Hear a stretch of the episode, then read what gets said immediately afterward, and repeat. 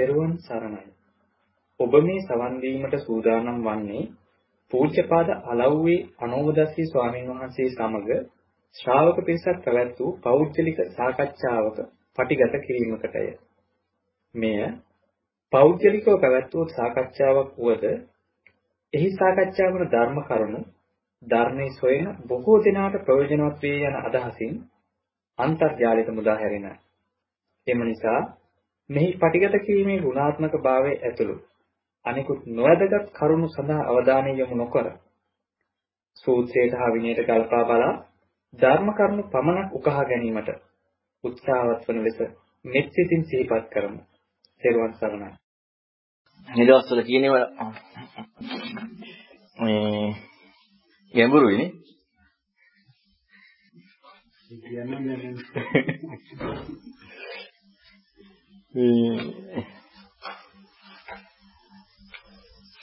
ගැඹුරුයි ඉතින් ගැඹුරුනේ ගැඹුරුනේ ඉතින් බුදුරණවහන්සේගේ ධර්මයේ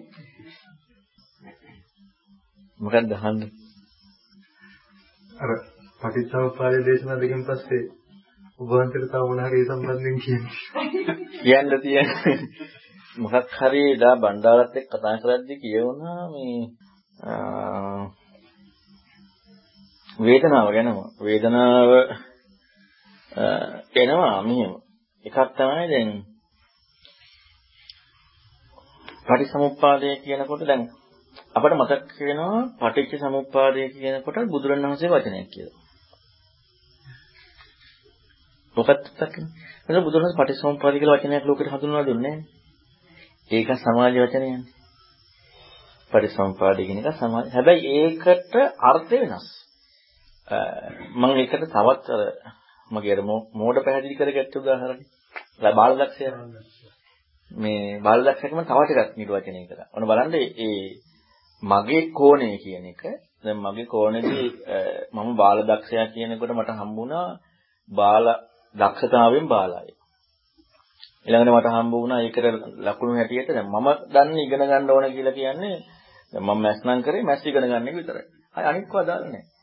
එතකොට එහෙනම් ඔන්න දැන් යාලා මේ අර මේ මේ ඉගෙන ගන්න පොඩ්ඩක් ඒකට අකමැති නිසා තමයි අර වැඩවලට යන්නේ. බාලදක්ෂ ඒ වැඩවලට යන්නේ. කියන්නේ ඉගෙන ගන්න අමාරු නිසා. ඊළඟට ආයෙ තවත් එකක් තමයි දැන් මෙයාලා ගෙවල් වැඩ කරනවා කියලා. ප්‍රතිමාදාර දෙනවා. මේ ඉගෙන ගන්න බැරි නිසා ලොකම කරන්නේ. ප්‍රතිමාදාර කරනවා, ගෙවල් වැඩ කරනවා, එක එක සමාජ සේවය කරනවා. මේ ඔක්කොම ගන්න ඉගෙන ගන්න බැරි නිසා. ඊළඟට ආයෙ තමයි මේ අවුරුදු දෙකක් තුනක් උපරිම මම මොකද තේරුම් ගන්න. ඊළඟට ආයෙ තමයි මට හිතෙනවා කවුරු හරි බාහිරදක්ෂයෙක් ඉන්නවා කිව්වොත් එයාට ලැජ්ජ නැති දන්නේ නැහැ කියන්නේ. ඇයි දක්ෂතාවයෙන් අඩු කෙනෙක්නේ මම. එතකොට දැන් මට මේ පුදුම විදිහට ඒකටම කරුණාව. පස්සේ දැන් අර වෙන කෙනෙක් මට ඇවිදලා එයත් බාලදක්ෂයෙක් හිටියා කියලා පස්සේ තමයි මට ඔන්න මතක් වුණේ ඉතින් බාලදක්ෂයෙක් නෙමෙයි මෙයා. එයා බාලදක්ෂයෙක් නෙමෙයි. එතකොට දැන් අන්න මගේ රාමුවයි එයා බාලදක්ෂයෙක් නෙමෙයි කියන එකයි මට ආවා. ඉතින් මම බාලදක්ෂයෙක් කියලා ගත්තේ කෝණයයි එයාගේ බාලදක්ෂයෙක් එයා බාලදක්ෂයෙක් නෙමෙයි. එතකොට එහෙනම් හැබැයි බාලදක්ෂයෙක් ඉන්නවා. එහෙනම් ඔන්න එතනදී මම දැනගත්තා එහෙනම් මම තේරුම් ගත්ත බාලදක්ෂක වැරදි. දැන් මම අහනවා බාලදක්ෂ කියන්නේ මොකද්ද? ඒක ඒකට එන්නේ හේතුුනේ ඇයි? මම බාලදක්ෂ කියලා දාගත්ත එක සම්පූර්ණයෙන් වැරදි දෙයක් මට වැරදි කරුණු එක මට ඉස්මතු වෙලා. එයා බාලදක්ෂයෙක් නෙමෙයි. නමුත් එයා බාලදක්ෂයෙක් ඉන්නවා. ඔබ වහන්සේ බාලදක්ෂ කියන එකට ඔබ වහන්සේ ගාවී අර්ථය නෙමෙයි අර කාරණෙත් එක්ක අර කාරණෙත් එක්ක ගන්නකොට බාලදක්ෂ කියන එක. ප්‍රසන්නසන් දැන් එතනදි කියන්නේ ස්වාමීන් වහන්සේ වෙනකොට දරාගෙන තිබ්බ අදහසට සාපේක්ෂවන එක බැලුවා. ඒ කියන්නේ ඒ වෙනකොටත් කියන්නේ අපේ අපේ තියෙන එකක් එක්කලා තමයි හැමදෙස්සෙම ඔව් ඒ ඒ වෙලේ බාල දක්ෂ. හැබැයි ඒක ඇහිච්ච තැනදීම දෙදරා යන්නේ මගේ එක. එහෙමයි. ඒක තමයි සර්. තමන්ගත් තමන් ඒ වෙනකොට දරාගෙන ඉන්න එකට තමයි පහර. පහර වදින්නේ. ඒක නේද පිටින් ඇහෙන ඔව් දැන් තාම උපමාව බලමු. එතකොට දැන් බාල දක්ෂ දැන් මට දැන් මට ප්‍රශ්නයක් ආවා එකපාරටම මෙයා බාල දක්ෂකේ ඉන්නවා මෙයා බාල දක්ෂයෙක් නෙවෙයි. දැන් එතකොට එහෙනම් ඒ කරුණු දෙකම හේතු වුණාට පස්සේ පහරක් අදින්න තියෙන මගේකටනේ. ඇයි මං එයා බාලදක්ෂයෙක් නෙමෙයි කියලාත් දන්නවා. දක්ෂතාවයෙන් බාල කෙනෙක් නෙමෙයි කියලාත් දන්නවා. හැබැයි ඒකෙත් ඉන්නවා. එහෙනම් මේ දෙක සම්බන්ධ වෙන්න බෑ. ඊළඟට මම මගේක පැත්තකින් දැන් බාලදක්ෂ කියන්නේ මොකද්ද? ඉතින් මගේක නැහැ. හැබැයි දැන් මගේකට බලන කොච්චර සාධාරණ හේතුවවද කියලා. ඒ කියන්නේ ඉගෙන ගන්න නැතුව ඒකට යොමු වෙන්නේ. ඊළඟට බාහිර වැඩ කරන්නේ. ඒකවල මට සම්පූර්ණ සාධාරණ හේතුව ආවා. හැබැයි මම පොඩ්ඩක්වත් බාල දක්ෂණ හෙව්වේ නැහැ. මට මේ මගේ සහ මට පේන කෝණ කෝණ වලින් මම බැලුවේ. ඊළඟට යා කියපු කාරණාව ඒක එක කියලා බලනකොට අන්නාව බාල දක්ෂ කියන්නේ බාලයිගේ දක්ෂ වැඩි කට්ටිය. දක්ෂතාවය තියෙන කට්ටිය. ඒක වන හාස්පසින් අර්ථ වෙනවා. බාල පොඩි කට්ටියන් දක්ෂතාවය තියෙන කට්ටිය කියලා අන්න එතනදී ආ. එතකොට මගේ අදහස නැහැ. ඒ සංස දැන් එතනදි වෙන්නේ තමන්ගේ තියෙන වරද හොඳටම පේන හොඳටම පේනවා. හොඳටම පේනවා. එතකොට දැන් බලන්නකො පොඩ්ඩක්වත් මගේ එක නැහැ. දැන් බලන්න බාල දක්ෂ කියන එකේදී මම වචනාර්ථය ගත්තේ මොකද්ද? වචනේත් හරිනේ. වචනාර්ථෙත් බාල දක්ෂතාවයෙන් බාලයි. වචනේ අර්ථය. මට ඒකෙදි හම්බ වෙන පසුබිම මොකද්ද? ඒ දක්ෂතාවයෙන් බාලයි. හැබැයි ඔක්කොම දැන් මගේ මගේ සාධන ඇත්ත නැද්ද මම මැස් කරන්න කැමති මම ඉගෙන ගන්න කැමති. දැන් අපි ඉස්කෝලෙන් ඉගෙන ගන්නනේ.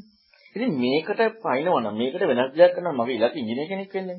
ඒකට වෙනස් දෙයක් කරනවා නම් ඉතින් සාධාරණ නැද්ද? ඒක නෙමෙයි එකක්නේ. වෙන එකක් නේ කරන්නේ මැස් කරනවා නම් මැස් කරනවා වෙන දෙයක් හරියන්නේ නැහැ. ඒකෝට මගේ එක නම සාධාරණයි. එතකොට එහෙනම් මට අර කෝණේ වනින්න උප්පරිම හේතු තිබ්බා.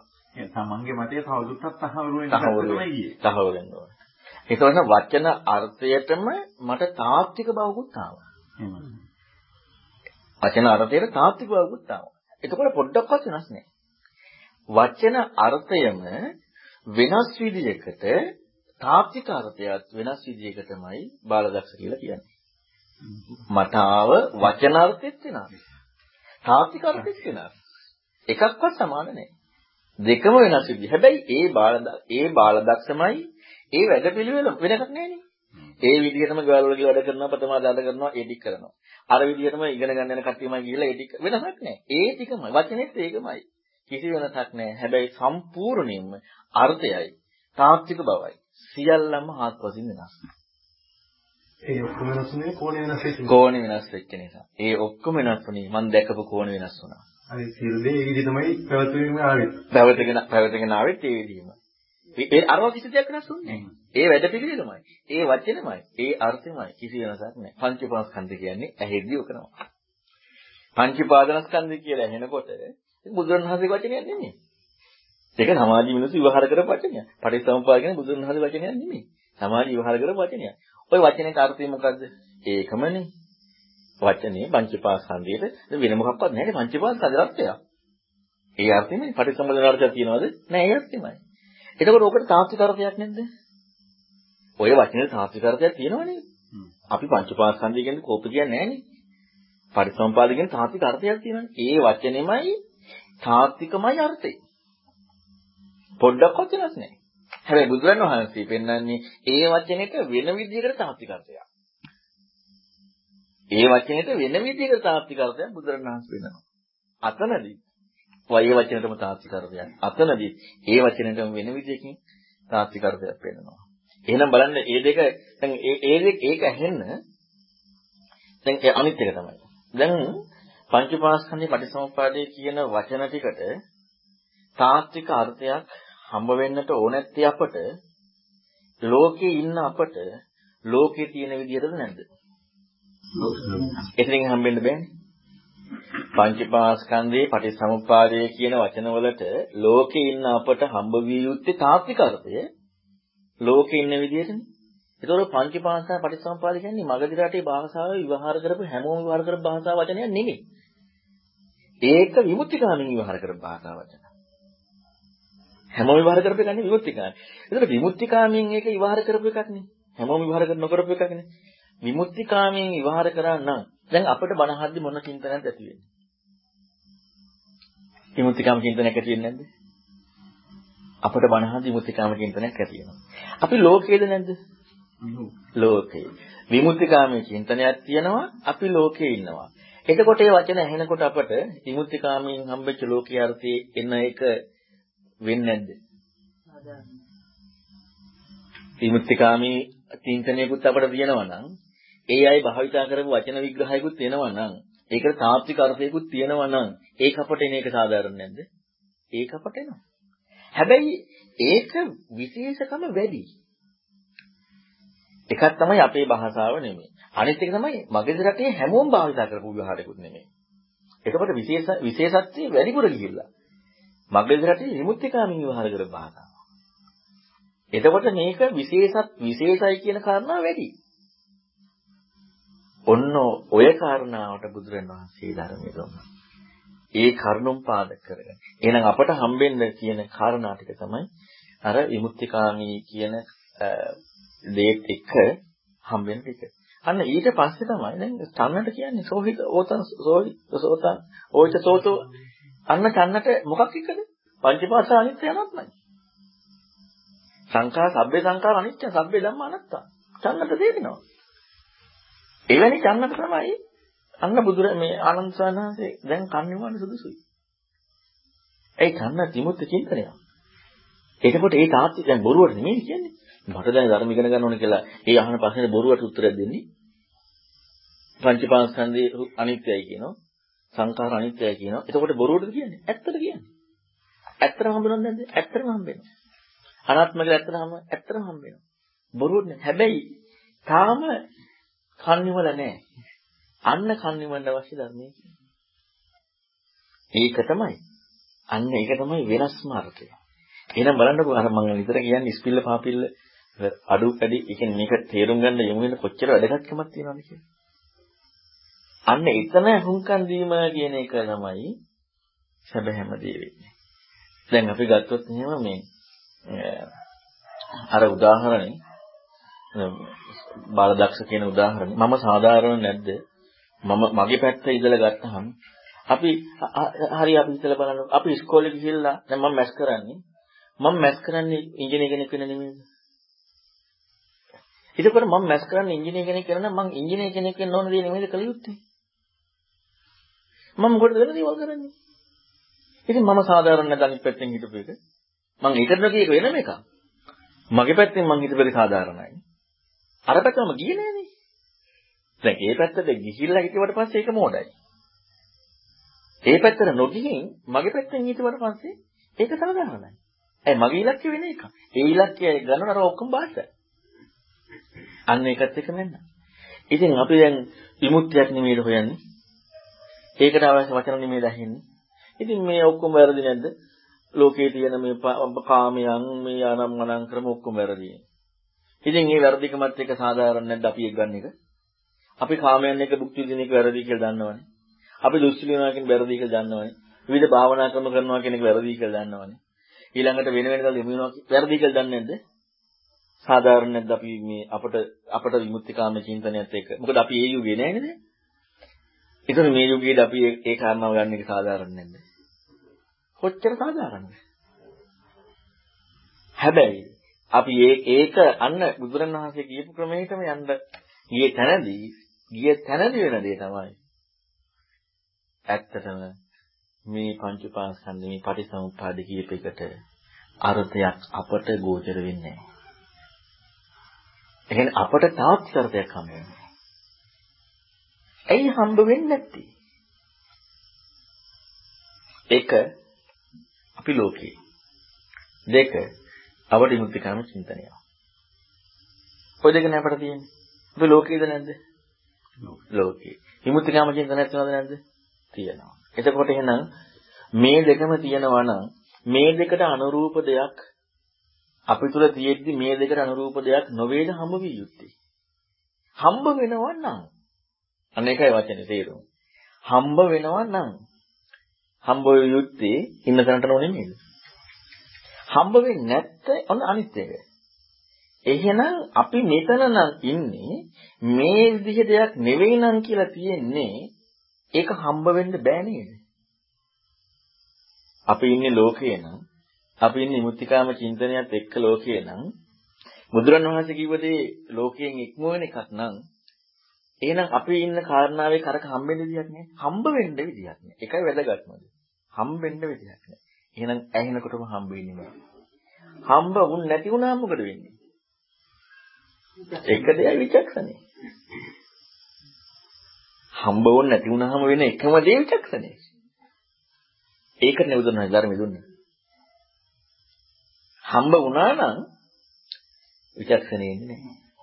හම්බුනේ නැත්තම් විචක්ෂණය එනවා. අන්න යෝනිසෝ මනසිකාරය පුද. එහෙනම් ඒකට මේක කොච්චර නිර්වද්ද විය යුතු වෙයිද? ඒ කියන්නේ මේ මේ මේක අපට තියෙන ප්‍රශ්නේ ඇත්තටම ඒ කියන්නේ බුදුරජාණන් නැත්නම් ඉතින් මේ මේ කාලේ බුදුරජාණන් වහන්සේලා පහළ වෙන්න ඕනේ මේකට තියෙන ප්‍රධාන ප්‍රශ්නයයි අපට ප්‍රශ්න ගොඩක් තියෙනවා. අපි විවාහරික භාෂාව නැහැ. විමුක්තිකාමී සමාජය නැහැ. ඒකෝට මේ ඔක්කොමත් එක නැති වුනහම විශේෂ දේවල් හම්බ වෙනවා. ඇත්තටම විශේෂයිනේ. ඉතින් විශේෂ දේවල් හම්බෙද්දී අපි විශේෂ දේට අනුගත වෙන්නේ නැද්ද? අනුගත වෙනවා. විමුක්තිකාමී නැති සම්බල වැරදුස්සේ නැද අපි ඉඳලා තියෙනවා. ඔව්.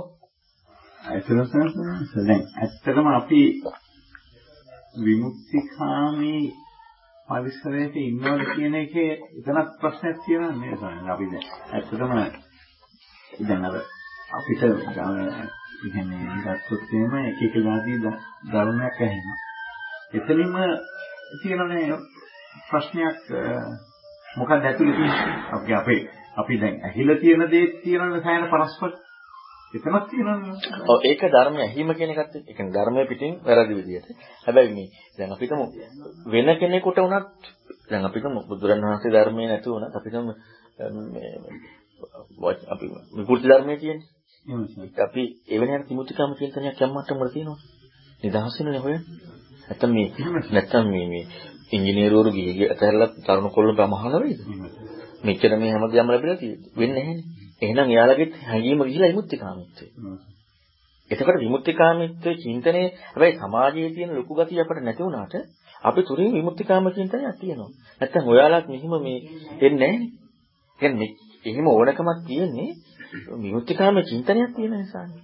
විමුක්තිකාමී ස්වභාවය සම්පූර්ණ නැති වුණාට දැන් විමුක්තිකාම චින්තනයේ තියෙන ඔක්කොම හරි දේ කරේ නැහැ. ආලාරකාර මුද්දකරම් පුත්‍ර කරා. හරි දේ කියන්නේ ලෝකේ ඉහළ දේ. නිකන්ටලා කරේ නෑනේ. සස්සාතු එයාලා ඒ තිමුතිකම චින්තනයක් නැද්ද? තියෙනවා. තියෙනවා. හැබැයි හරියට කරේ නෑ. ආලකාර මුද්ද කරාම පුත්තල ලෝකේ පැත්තෙන් හරියට කරා. ඒ විමුක්තිකම චින්තනයත් එක්ක. එතකොට විමුක්තිකම චින්තනෙන් හරි වැරද්දක් කියන දේ තියෙනවා. ඉතින් අර මොකේද අර බොජ්ජංගෙන අහන්නේ? හරි පරියාය සූත්‍රයේ මේ අනිත්‍යකාරාමයේ කරලා බොජ්ජංග වඩන්නේ. ඒක ඔයාලා බොජ්ජංග වඩන එයාලා කොච්චර බොජ්ජංගන දන්නවද? ඔබ වෙනවා දීක්ෂාස ඔබ රහත් වෙලානේ. රහත් වෙලානේ. එතකොට ඒ ගිනි පුදන එකනේ. එතකොට එහෙනම් එයාලගේ විමුක්තිකාම චින්තනයක් එක්කනේ මේ ඔක්කොම තිබිලා තියෙන්නේ. හැබැයි ලෝකයේ තුලවත් විමුක්තිකාම වැඩ පිළිවෙල නැහැ. නැති වුණාට චින්තනය තියෙනවා. එහෙනම් දැන් එතකොට එහෙනම් ඒක තියෙනවා දැන් දැන් ගත්තොත් එහෙම අර කොසල් රජුරු කියන කාලයකට ඉන්නවා කාලයකට ඉන්නවා එහෙම කතාවක් කියන්නේ. මේ මේ ශාස්ත්‍රවරු ඒ ශ්‍රාවකයෝ ඉතින් එහෙනම් ඉතින් ඔයාලා ගිහි ගෙදර වාසය කරාට කාම්බෝගේ ජීවිතේ පරිහරණය කරාට ඒ කරුණුත් එක්ක සාධාරණ නැද්ද මුත්‍තිකාම චින්තනයක් කියන එක?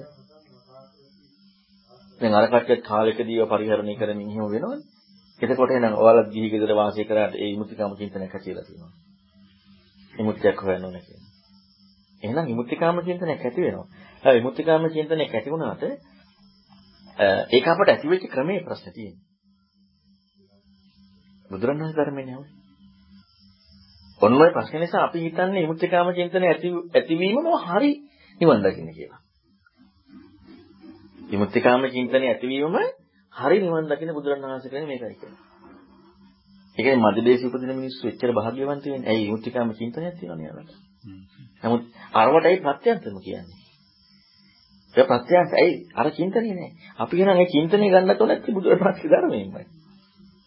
දැන් හරි බලන්නකො මේ කොහෙවත් කොහෙවත් ඉන්නවද බලන්නකො ලේසියෙන් කලාතුරකින් හරි හොයාගන්න මධ්‍ය දේශයේ හැරෙන්න ලෝකේ කොහේ රටක නිගන්ටයෝ ඊළඟට මේ තව මොනවා හරි කට්ටියක් ඉන්නවද බලන්න මධ්‍ය දේශයේ හැරෙන්න කොහෙවත් හොයාගන්න කලාතුරකින් හින්ද ඉඳ තියෙන පුළුවන් නමුත් එහෙම හොයාගන්න පරිසරයක් අඩුයි නේද ඇයි අනිත් අනිත් ක්‍රම වලින් ඒක වැරදිනේ සම්පූර්ණයෙන් හැබැයි මේකෙන් එන්න පුළුවන් හරි දෙයක් වලින් ආකාරමක යුද්ධ කරන් පුත්‍රලා ක්‍රමවලින් ඉන්න පුළුවන්. මං කියන්නේ මේ මේ මේකද මේ මේ සම්පූර්ණ ඒ ඒ පැත්තට ගිහිල්ලා බුදුරණවහන්සේ ධර්මයෙන් ගත දෘෂ්ටියත් එක්ක නැතුව ඒ පැත්තට ගිහිල්ලා එතකොට එවැනි දෙයකින් විමුක්තිකාමී විමුක්තිකාමීත්වයක් මධ්‍ය දේශයෙන් පිට ඇතිවීම අමාරුයි. ඇයි ඒක එච්චරටම මේ වැදගත්කමක් නැහැ. එහෙනම් මධ්‍ය දේශයෙන් පිට විමුක්තිකාමී චින්තනයක් ඇති වෙන්න තියෙන ප්‍රධානම වෙන්නේ බුදුරණවහන්සේ ධර්මයක නැත්නම් ආලවකාර මුද්ද කරන් පුත්‍රලාගේ ධර්මය. මගේ දේශේ හැබැයි මගේ දේශේ නෑ එහෙම. මගේ දේශේ ඕන දෘෂ්ටියක් එක්ක මුත්‍තිකාමියක් වෙනවා. දැන් අපිට තේරෙන්නේ නැද්ද අර සීතලේ බහින එක මහා මෝඩකමක් කියලා. අපි අපි අපට ඔක විමුක්තියක් කියලා කිව්වොත් අපි අදහන්නේ. එහෙනම් වෙන සමාජිකෝක ඇති වෙන්න දෙන්නේ අර ගිනියව්වේ අපින එක විමුක්තිය කියන හිතන්නේ නැහැ. ගෝවද ගවවද. නමුත් ඒ සමාජය තියෙනවානේ. ඒක තමයි. ඒ ඒ සමාජයෙන් ඒක විමුක්තියක් කියලා පිළිගන්න සබඳතාවක් දැන් අර මේ නදීගායකාශව දමණය කිල්ලේදී ග්‍රහණාංශයට දමණය වෙලා එතන ශ්‍රාවකයෙක් කියලා ඉඳලා පිළිසහනන්නේ මේ ග්‍රහණාංශේ අර ශ්‍රාවකයේද අරගොල්ල බුදුරණාගේ ශ්‍රාවකයේද කියලා කියන්නේ. ඒ තරමට පිළිගැනීමක් තිබිලා තියෙනවා මේ විමුක්ති නාමයෙන් සහ ඒ ඒ ඒ ඒ පිළිගැනීම තිබිලා තියෙනවා. ඉතින් ඒ නිසා ලෝකයේ පිට විමුක්තිකාම චින්තනයක් ඇති වෙනවා නම් ඇති වෙන්නේ බුදුරණවහන්සේ ධර්මයේ සහ මේ ආලාරකාරලම වගේ මේ නිවැරදි විමුක්තිකාමී ලෝකීය ප්‍රතිපදාවක් අනුගමනය කරපු කෙනෙක්ගේ. ඒක දැන් අපට අපේ සමාජයේ ඉතින් දැන් එහෙනම් බුදුරණන් ධර්මයෙන් යන්නේ. එතකොට අපට ඔය බුදුරයන් වහන්සේලා පහළ වෙන්නේ නැහැ කොහොමද අනිත් පැතුවල. ඇයි ඒ? විමුක්තිකාමී ඉන්න පරිසරය කියලා බලන්න කියන්නේ. ඇයි විමුක්තිකාමී ඉන්න පරිසරය නම් ධර්මය කියන්නේ? එයාලටයි ධර්මය කිය හැකි වෙන්නේ. දැන් අන්න අපේ ප්‍රශ්නේ තියෙන්නේ අපි බුදුරණවහන්සේගේ ධර්මයෙන් විමුක්තිකාම චින්තනයක් ඇති කරගෙන ඒකෙන් හිතන බුදුරණවහන්සේ ධර්මය හම්බුණා කියලා. බුදුරණවහන්සේගේ ධර්ම විමුක්තිකාමී පරිසරයක් ඇති කරගෙන ඒකෙන් ඉඳලා බුදුරණවහන්සේ ධර්මය හම්බුණා. එතෙන්දයි බුදුරණවහන්සේ ධර්ම වුණේ. දැන් හොඳට හිතලා බලන්නකො මේ දවස්වල අහණේව තුලින් දැන් ගම්බීර දුද්දස කියන කර්ණ මම නිතර කියනවානේ. බුදුරණවහන්සේ කියන උත්තරමයා කියන එක හිතා ගන්න බැරි දෙයක් කියනවා කියන්නේ. දැන් ඇයි ඇයි දැන් හරි හිතලා බලන්න මෙහෙම අලුතෙන්ම කෙනෙක් ඕක ඇහුවොත් අහයිද? දැන් බුදුරණවහන්සේ එක එක්කනට ගිහිල්ලා කියන්නේ නැහැ අදාළ කෙනෙකුට කියන්නේ. ඒ අදාළ කෙනතර ඒ ඒ චින්තනයත් එක්කනේ කතා කරන්නේ. එහෙනම් ඒ විමුක්තිකාමයේ චින්තනයත් එක්කයි අන්න බුදුරණවහන්සේගේ ධර්මයට අදගැච්චමක් තියෙන්නේ. මම එදා මේ ළඟදී මම ඒකදී කිව්වා නේද මේ අපි අනුවක සාකච්ඡායේද කොහෙද බුදුරණවහන්සේගේ ධර්මයේ ඒ විදිහට ඉගෙන ගැනීම නිවැරදිම ක්‍රමය. ඒකත් ධිට්ඨි සුප්පට විද්ද යනවා. හැබැයි එහෙම නැතුව ඉගෙන ගන්න දැන් ඇයි ඇයි මේ සමාජයේ මේ ওই හැම එකක්ම එක ඉගෙන ගත්තාට මේ කතා දැන් අපි ගත්තොත් අපි දන්න කරුණ තියෙන සමාජීය සම්ප්‍රදායේ අතහරින්න බැරි ඈ. ඉතින් ඒක ඒක එච්චරට අත්දැකීමක් බුදුරජාණන් වහන්සේගේ ධර්මයේ වචනේ හැටියට පිළියන ඉවරලා කොහොමද අතහරින්නද? ඒක අත්දැකීමකුත් තියෙනවනේ. ප්‍රතිඵලයකුත් තියෙනවනේ. ඉතින් අතහරින්න බෑනේ. එහෙනම් අන්න ධර්මයේ ඉගෙන ගන්නකොට අවධානය හිතමු අවධානය ගැන කතා කරන්න කියලා තමයි දැන් ඔය ඔය කාරණාව කියන්න කියලා කතා කරන්නේ. වේදනාව ගැන කියනකොට දැන් මොන පටිච්ච මම අර එදා කිව්වේ ඊතරවන ප්‍රතිපදාව කියපු විග්‍රහයක් තියෙනවා. පවතින විදිහේ කියපු පැහැදිලි කිරීමක් තියෙනවා. හැබැයි මේක දෙකකුත් නෙමෙයි. කෝණ දෙකක්. දෙකකුත් නෙමෙයි කෝණ දෙකක්. හැබැයි කෝණ දෙක දෙවිදිහට විග්‍රහ වෙනවා. අපිට කෝණ දෙක දෙවිදිහට විග්‍රහ කරන එක දෙකක් කියලා නෝනේ. මේක කෝණ දෙකක් නේ. ලෝකේ පවතින විදිහ දකින කෝණයකුත් තියෙනවා. ඊතරම විදිහ දකින කෝණයකුත් තියෙනවා. මේක කෝණ දෙකක්. එහෙනම් මේ කෝණ කියන එකේදී විග්‍රහයකට යන්නකොත් වරදිනවා. කියන්නේ දෙයක් හැටියට යන්නකොත් වරදිනවා. අපි කෝණ හැටියෙන් බලන්න ඕනේ. දැන් ඔන්න මම ඈ මහානිදාන සූත්‍ර එකක් තමයි හොඳට බලන්නකො මහානිදාන සූත්‍රයේදී පටිසම්පද විග්‍රහ කරනකොට ජාතිගත හේතුව ජරා මරණය මේ නැත්තම් ඔන්න ඒ විදිහට අහගෙන අහගෙන එනවනේ මේ කිසිම ආකාරයකින් ජරා මරණ නැත්තම් ජාතියක් තියෙනවද? දැන් ඔය ඔය ක්‍රමයේ අහගෙන යනවා ඔය ක්‍රමයේ අහගෙන ගිහිල්ලා දැන් එතනදී පෙන්න පැහැදිලිව බුදුරණස් මේ ද්වේන කියලා පැති දෙකක් එකම කියනවා. කරුණ දෙක. අනිත් එකේදීත් පැහැදිලි කරනවා. දැන් මොකද හිතලා බලන්නකො මෙහෙම. ඒ අපි අනික් ක්‍රමයේ ගත්තොත් එහෙම මේ දෙකම එකම ක්‍රමයට ගත්තොත් වරදින හැටි.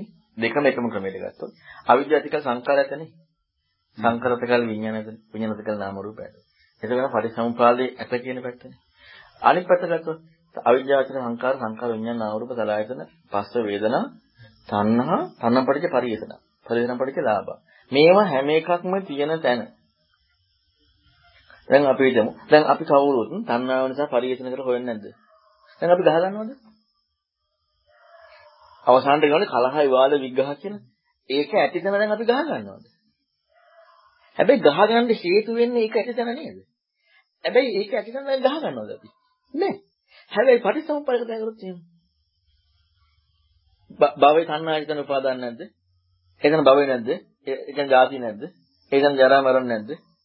ඒ පරියයන් කතා කරොත් ඒකෝට එකම විදිහට මේ තැන දෙක ලං කරලා තියෙන්නේ. එකම තැන ඒ විදිහට ලං කරලා තිබ්බට අර පැති දෙකත් එක බලුවම දැන් ඒ එහෙම එහෙම වෙනවා නම් අපිට තණ්හාව අපිට පරිේෂණයේ තියෙනවා නම් අපි හැමෝම දැන් ගහගන්න මේ ලෝකේ නම් ඔක්කොමලා ඉන්නේ අවිද්‍යාවෙන් ඔක්කොමලා ඉන්නේ. ඔක්කොම දැන් ගහගන්නමින් ඉන්න ඕන කට්ටිය. කවුරුත් මේ ලෝක ගහගන්නද කට්ටිය නෑ නේද? හැම වෙලෙම ගහගන්නමින් ඉන්නේ. දැනගෙන ගහගෙන ළඟ ඇයි ඉතින් අවිද්‍යාව සංකාර සංකාර විඤ්ඤාණ නාම රූප සලආයතන පස්ස වේදනා සංනා පරිේෂණ පටිච්ච ලාභ ලාභ පටිච්ච විනිච්ඡ විනිච්ඡ චන්දලාභ චන්දලාභ පටිච්ච මේ මට ඉතින් ටික මතක නැහැ. ඊළඟට කලහයි ඔය ටික නෙවෙන්නේ. ඉතින් අවිද්‍යාව තියෙනවා නම් මේ ඔක්කොම ලෝකේ ගහ ගන්නවනේ. දැන් එක මොහොතක්වත් ගහ ගන්න තියලාවක් නැහැ නේ. දැන් අර දැන් දෙක එක පැත්තෙන් බැලුවොත් එහෙම වෙන්නේ නැද්ද? අවිද්‍යාපච්චය සංකාර සංකාර ඔය විදිහට ජරා මරණ කියලා ඒ පැත්ත තියෙනවා. අර පැත්ත අර එහෙම තියෙනවා. මේ දෙකම එකම විදිහට බැලුවොත් අරකත් ඒ විදිහටම ඇතිතන ඔක්කොම තියෙනවා නම් මේකත් ඇතිතන ඔක්කොම ඒ විදිහට තියෙනවා නම් ගහ ගන්න නැතුව කවුරුත් මේ ලෝකේ නැහැ. කිව්වේ තේරෙනවද? එහෙනම් පරයය දෙකක් නේද? එකම තැන පරයය දෙකකින් කියලා තියෙනවනේ. එතකොට ඒ ඒක අපට හම්බ වෙන්නට ඕන නැති. දැන් ඒ එතනින් එතනින් ඒ වචන ටිකෙන් හම්බ වෙන්නේ කෝණයෙන්ද? කෝණේ. එහෙනම් ওই කෝණය ඇති වෙන්න ඒ විදිහට හිතිය යුතු නැද්ද? නැත්නම් දැන් ওই කෝණය ඇති කරවන්න බුදුරණවහන්සේ උඹලා මෙහෙම හිතපල්ලකෝ එහෙම කියලා නෑ විස්තරය කියලා තියෙනවා. අපට අපි හරියට හිතනවාද අපි ඔය කල්පනා කරන්න ඕනේ. හිතන්න ඕනේ මේ මොකද්ද මේ කියන්නේ කියලා. අන්න කෝණේ වෙනස් වෙනකොට තමයි කාරණාව තියෙන්නේ. අතන පෙන්නන්නේ පටිසම්පාද කියන්නේ ඊතරවන මාර්ගයද පවදින විදිහද? හොඳට ඒක හිතන්න ඕනේ. ඊතරවන මාර්ගයක් නේ. ඔන්න ඒක තව එකක්. පැවැත්ම විග්‍රහය ඊතරවන මාර්ගයක්. උන් අමුතුම විග්‍රහයක්. පැවැත්මනේ විග්‍රහ වෙන්නේ පටිච්චසමුප්පාද. හැබැයි තොරණ මාර්ගයක් නෙමෙයිද? ඒ තොරණ මාර්ග. පැවැත්ම විග්‍රහය කරන මාර්ගයක්. හැබැයි පැවැත්ම විග්‍රහය කරන මාර්ගයක් කියලා ලේබල් කිරීමක්ද හම්බවීමක්ද? හම්බවීම. පැවැත්ම විග්‍රහ වෙන්නේ ඊතරණ මාර්ග දර්ශන කෝණේ. ඒක හම්බවීමක් නෙමෙයි. ඒ කියන්නේ ඒක මෙතන හම්බවීමක් කියන්නේ ඒක මේ හිතිල්ලක් නෙමෙයි. ඒ කියන්නේ ඒක ප්‍රතිපදාවක්. හැබැයි දැන් අර කාරණාව හොයාගෙන ගියාම දැන් අපි හැමතැනම ගත්තා ඔන්න මම ඔකට ආයෙ උදාහරණ ගත්තේ වේදනාවත් එක්ක ලාභනානක සූත්‍රය.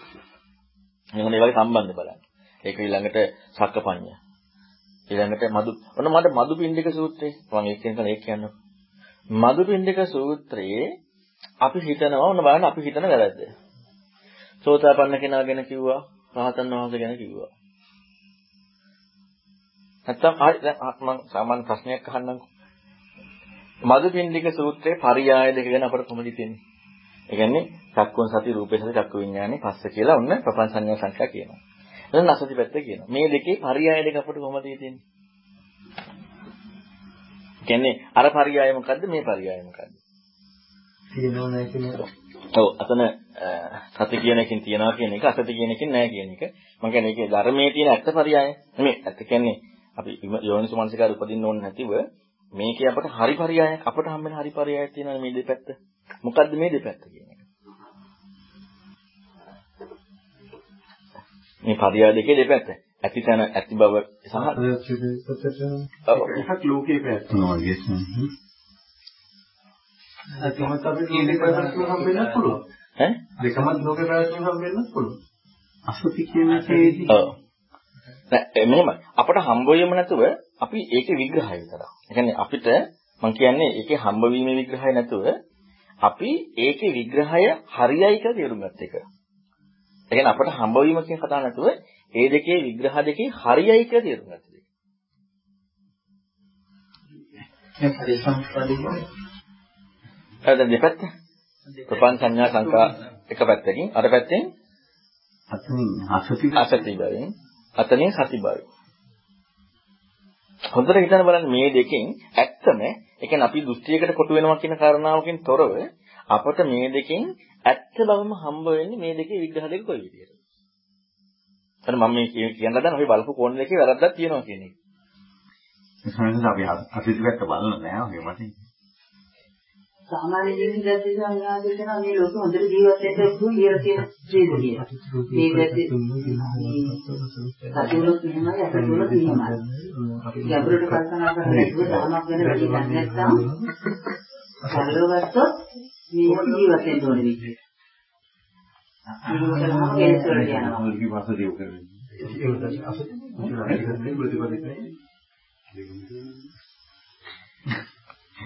දැන් සාමාන්‍ය හිතන ක්‍රමේ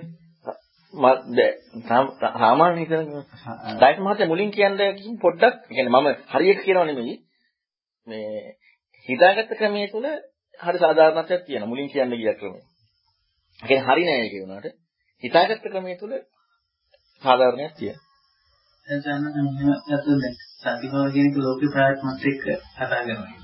අසති කියන එක නිරෝධය කියන්නේ. ඔව්. රයිසන්ත මොකද කිව්වේ? සංස ඒක තමයි. ඒ කියන්නේ දැන් ඇත්තටම අපි අපිට ඕන වෙන දිග්ගය සායනස්සල මේ ලෝකයේ විග්‍රහයක් නේ. හ්ම්. ඇත්ත කරන්නේ අපි අපි මෙච්චර කාල බැලුවේ ලෝකයේ විග්‍රහය. ලෝකය හරි කියලා පෙන්වන්න එකේදී අර මදුපිණ්ඩික සූත්‍රය ඔය කැලල අරගෙන අර සති කියන පැත්තෙන් අරගෙන ඉවරලා ලෝකයේ ප්‍රාත්මක සංඥා ප්‍රපංච සංඥා ඒ පැත්තට කියනවල අපි අනිත් පැත්ත බැලුවේ නැහැ කියන එකයි සොයන මේ කියන්නේ ඒකට බලන්න අපිට එහෙම අවශ්‍යතාවයක් ඇවිල්ලා තිබෙන්නේ නැහැ වගේ කියලා තමයි දැන් තියෙන්නේ. ඔව් එක පැත්තක අර අසති කියන එක රහතන් වහන්සේගේ පැත්ත කිව්වේ. ඒ සොයනස අපි ඇත්තටම දැන් දැන් මේ සොයනස කිව්වෙන් පස්සේ තමයි මට හිතුනේ මේ ඒක බලපු නැති පැත්ත තමයි කියවෙන්නේ. ඔව්. එතකොට දැන් අසති කියන කාරණාව අසති කියන කාරණාව ඔක්කොම Nirodha කියන්නේ ඒක Nirodha කියන කතාවක්ම ඉස්මතු වෙන්නේ. පස්සේ මොකක්ද අහන්නේ බුදුරණවහන්සේගෙන්? බුදුරණවහන්සේ කියන්නේ කාටද භික්ෂුන්ට කියන්නේ මේ ප්‍රපංච යමකින්ද ප්‍රපංච සංඥා සංකා ඇති වෙන්නේ ඒක ඉක්මවීම ගානෝසේ පට ඒක ඉක්මවනවා කියලා කියන්නේ. දැන් බුදුරජාණන් වහන්සේ ඒක කිව්වේ කාටද? භික්ෂුන්ටනේ. ඇයි බුදුරණවහන්සේගේ භික්ෂුන්ට කිව්වේ? දැන් ආරයට නම් කිව්වා ආරයට කිව්වේ නම් මාන්නේ කඩන්නනේ. එයාට බුදුරණ දන්නවනේ යා මේක අහුවෙන්නේ නැහැ කියලා අර කවුද අර මේ දන්නපාණි. දන්නපාණි. දැන් මේක භික්ෂුන්ට කියවනේ. දැන් මොන බලන්න අපි හිතන්න ඕනේ පැති දැන්. ධර්ම කාරණාව ගන්නකොට හිතන්න ඕනේ පැති. ඇයි ඉතින් පරියායක් ඇයි කියලා තියෙන්නේ? ඇයි නිදානයක් කියලා තියෙන්නේ? එහෙනම් ඒකට ඒකට අනුරූපවනේ අපි මේ ධර්ම කාරණාව ගන්නට ඕනේ. අරයට කිව්වේ මාන්නයත් එක. ඊළඟට බුදුරණවහන්සේ භික්ෂුන්ට කිව්වා. භික්ෂුන් කවුද? භික්ෂුන් කියන්නේ කවුද? බුදුරණවහන්සේ වෙනුවෙන් මහාන වෙලා මේ පිළිවෙත් පුරන අය. එයාලට කිව්වේ. එයාලට කිව්වා අත්‍යමක් හේතු කරගෙන සුපන් සංඥා සංකේත වෙන්නේ. ඒක මේ ඉක්මීමේ රාගනස පටගනස ඒක ඉක්ම වෙනවා කියලා. ඔන්න එයාලට කිව්ව හරියයි. දැන් එයාලට ඉස්සෙල්ලාම හම්බුනේ මොකද්ද? දැන් අපිට නම් අර විස්තරේනේ හම්බුනේ. අපි ඒක බලන්න කලින් අපි අරක බලනවානේ. දැන් අපි ඕක හිතන්නේ නැතුව හොඳට හිතලා බලන්නකෝ. භික්ෂුවන්ට කිව්ව එක අපි හිතන්නේ නැතුව අපි අර ටික හිතන්න ඕනේ නේ පොට. ඒ භික්ෂුන් අරක කිව්වනේ හිතන්නනේ කිව්වේ. තේරුම් නැති නිසා කචාවසනාසෙන් ඇහුවා ගිහිල්ලා. ඒක අර තේරුම් නැති නිසා ඇහුවා. එතකොට දැන් භික්ෂුන්ට කිව්වේ මේ ඒක ඒක නිරෝධයේ නැතිවීම කිව්වා. නිරෝධයේ පැත්තෙන් කෝණේ හරි. රහතන් වහන්සේගේ කෝණේනේ කියන්නේ. රහතන් වහන්සේ කෝණේ. දැන් අර පටිසමුප්පාදය කියන්නේ.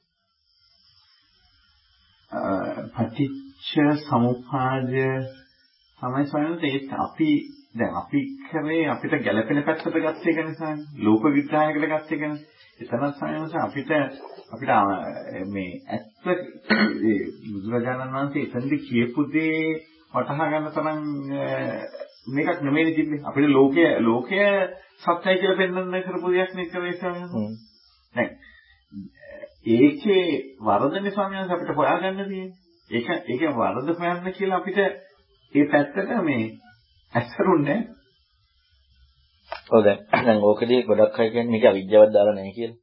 අවිද්‍යාවක් කියන්නේ. ඒක කියන්න ඕනේ නෑ මම කියන්නේ ඔන්න බලන්න මේ පැත්තත් එක්ක අවිද්‍යාවක් දාලා නැහැ.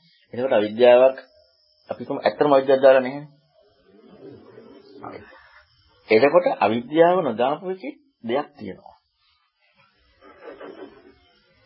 හිතන දෙයක් තියෙනවා. අවිද්‍යාව නොදාපු එකේ හිතන දෙයක් තියෙනවා. දැන් අපි අවිද්‍යාව දාපුණදී ගොඩක් තැන්වල පටිසමුප්පාදේ විතරක් විග්‍රහ කරන එකේ ඔන්න පොඩි සාධාරණයක් තියෙනවා. මොකද ඒක සම්බන්ධයෙන් නාම රූප විඥාන කියලා කියනවනේ. එතකොට ඒකේ පටිසමුප්පාදනේ කතා කරන්නේ. දැන් මෙතන කතා කරන්නේ පටිසමුප්පාදයේද බුදුරන් වහන්සේ කතා කරපු දේ පටිසමුප්පාදය මද තියෙන්න බලන්න. චක්කුංච පටිච්ච රූප දුප්ප චක්කුඤ්ඤා තින්න සංගති පස්ස පස්සපච්චය වෙනවා යං වේදේසං සංජානාති. යං සංජානයි තං විතක්කේති. යං විතක්කේ තං පපංචේති. යං පපංචේ නතෝනි දාන පුරුෂෝ පපංච සංඥා සංකා සමුදාචරණ අතිතනාගර පච්චුප්පන්නේ චක්කු විඤ්ඤාණය ස්වරූපේ. ඔකනේ තියෙන්නේ. දැන් පටිසම්පදාව මොකක්ද කියන විග්‍රහය? ආ ඒක නැසෙන තමයි ඔව් අරන් අරන් කමසිය වෙන්නේ නැහැ. චක්කුම් පච්චිච්ච රූපේච විඥාන ඒ ඒ එතන ඒ ඒ අර ඒ ඒ යුගලෙට අදාළව කරුණු ටික කියවෙනා නේද ඒකට ඒ ටික කියවුණා.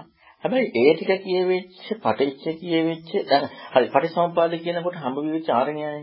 එහෙම සයන්. මේ ඇති කලින් මේ ආරණ්‍යය හම්බ වෙනවා නම් ආරණ්‍යයත් එක්ක හම්බ වෙන්නට ඕන න්‍යාය වුණ බලන්න. දැන් අපිට මේ කෑල්ල මේක අපි මේ හැම එකම බලන්න ඕනේ. මේ කෑල්ල අපි කොටසක් විතරක් ගත්තාම තියෙන ප්‍රශ්නේ අපි මේක එතනින් එහාට බලන්න නැති වුණාම ආරණ්‍යය එක බලනකොට ආරණ්‍යය දකිනකොට ආරණ්‍යය දෙකක් කොයි වෙලේවත් තියෙනවද? ආරණ්‍යය හතරක් තියෙන්නේ. හ්ම් හතරක් තියෙන්නේ. කොතනකවත් ආරණ්‍යය කියන මේ ඇති කල්ලි මේ මේ උපදීකයි මේ උපදී විතරයි. මේ ආදිවාසී අනිත් එකක් තියෙනවා. පාටිසමුප්පාද කියන හතරට. නිරෝධයක් තියෙනවා. නිරෝධයක් එකම. ඒතර පටිච්චසමුප්පාදේ කතා කරනකොට මේ හතරම ඉස්මතු වෙන්නට ඕන. එතකොට දැන් දැන් ඇත්තට මේකෙදි වෙනම කැලලක් තියෙනවා යම් වෙලේ තන් සංජානන. සත්‍ය කියන්නේ මෙතනින් යමක්. යමක්. දැන් අපි හිතමු දැන් ඒක අපි අතහැරියා. ඔන්න ඒ ටික අතහැරියා. මේ ටික පටිච්චසමුප්පාදේ. මේ ටික පටිච්චසමුප්පාදේ හැටියට කතා කරනකොට මේක පටිච්චසමුප්පාදේනේ. මේක දර්ශනයත් එක්ක මේ දර්ශනයත් එක්ක ඊතර වීමක් හම්බෙන්න ඕනේ නැද්ද? හම්බෙනවා. ඊතරීමක් හම්බ වෙනවා. මේ දර්ශනයත් එක්ක ඊතරීමක් හම්බ වෙනවා. දැන් මේ දර්ශනයේදී එතනින් එහාට කියලා තියෙන්නේ පවතින විදිහට කරන්නේ කියලා. ඒක පැවැත්ම. ඒක පැවැත්ම.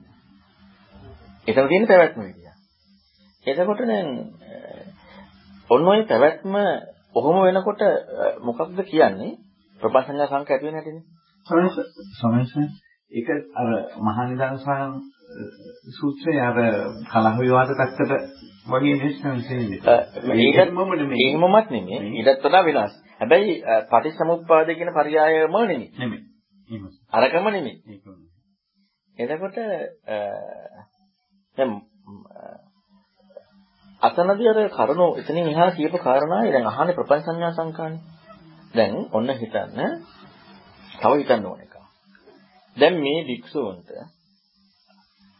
මේ භික්ෂුන් අහන්නේ මේක කොහොමද තේරුම් ගන්නේ කියලානේ. එතකොට මේ භික්ෂුවන්ට හම්බ වෙන්න ඕනේ නේද? හම්බ වෙන්න ඕනේ නේද? අනුසේ ප්‍රහාණයක් හම්බ වෙන්න ඕනද? අනුසේ කියන එක හම්බ වෙන්න ඕනද? අනුසේ හම්බ වෙන්න ඕනේ. ප්‍රපංච ප්‍රහාණයක් කියන එක හම්බ වෙනවද? ප්‍රපංච කියන එක හම්බ වෙන්න ඕනද? ප්‍රපංච කියන එක හම්බ වෙන්න. ප්‍රහාණයක් හම්බලා හරියන්නේ නැහැ. හම්බ යුත්තේ ප්‍රපංචයි හම්බ යුත්තේ අනුසයයි. අපට හිතෙන අපි මොකකද හොයන්නේ? ප්‍රපංච අනුසය ප්‍රහාණය නෙමෙයිද? දැන් බුදුරණවහන්සේ දෙකක් කිව්වනේ. දෙක තමයි ප්‍රපංච සංඥා සංකාහේ ප්‍රපංච ඒක හේතු කරගෙන අනුසය හට ගන්නවා. නැත්තම් අනුසය නැහැ. දැන් අපට ඕනත් අනුසය නැති කරන්නද නැද්ද? අනුසය නැති. හරි. ඒකත් හරි කියන අනුසය නැති කරන්න ඕනේ ප්‍රපංච. මොකද්ද ප්‍රපංච මොකද්ද අනුසය? මොකද්ද ප්‍රපංච මොකද්ද අනුසය? සංසදා දෘෂ්ටි කෝණය වෙන්නේ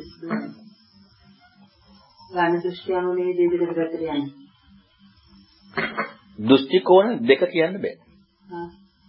දැන් දෘෂ්ටි කෝණ දෙක කිව්වොත් අපට යන්නේ පුත්තජන ලෝකේ පවතින එකයි ආර්යගේ එකයි. හරි එතන මොකක්ද දෙක? දෘෂ්ටි කෝණේ වෙනස. ඔව් මම කියන්නේ දෙක මොකද්ද? ඒ දෘෂ්ටි කෝණ දෙකේ පුත්තජන ඒ කියන්නේ මේ දෙකේ ආර්යයි පුතඥය කියන දෙක මොකක්ද කියලා මම අහන්නේ විස්තර කරපු දෙකේ. සති කියන එකේ අසති කියන එකේ. වෙනස. එහෙම වෙනසක්. වෙනසක් වෙනවද නේ? පුතඥයාගේ ආර්යගේ කියලා.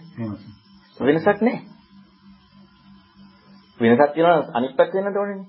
දැන් මෙතන ඔන්න හම් වෙන්නට ඕනේත්තේ දැන් මම ආයේ මුල මුල කාරණාව කිව්වොත් ප්‍රපංචයි අනුසයයි. දැන් ප්‍රපංචය අනුසයයි හම් වෙන්න ඕනේ නැත්තේ. ඒක ප්‍රහාණය කරන්න. ප්‍රපංච ප්‍රහාණය කරන්න ප්‍රපංච හම් වෙන්න ඕනේ අනුසය ඉක්මවන්න. වෙන එකක් හම්බෙලා හරියන්නේ නැහැ. දැන් අපි ගත්තොත් අපි ඇයි අපි ඇයි රහත් වෙන්න හොදපණින් උත්සාහ කරන්නේ? අපි ඇයි හොදපණින් උත්සාහ කරන්නේ? අපේ හිතවන්නේ.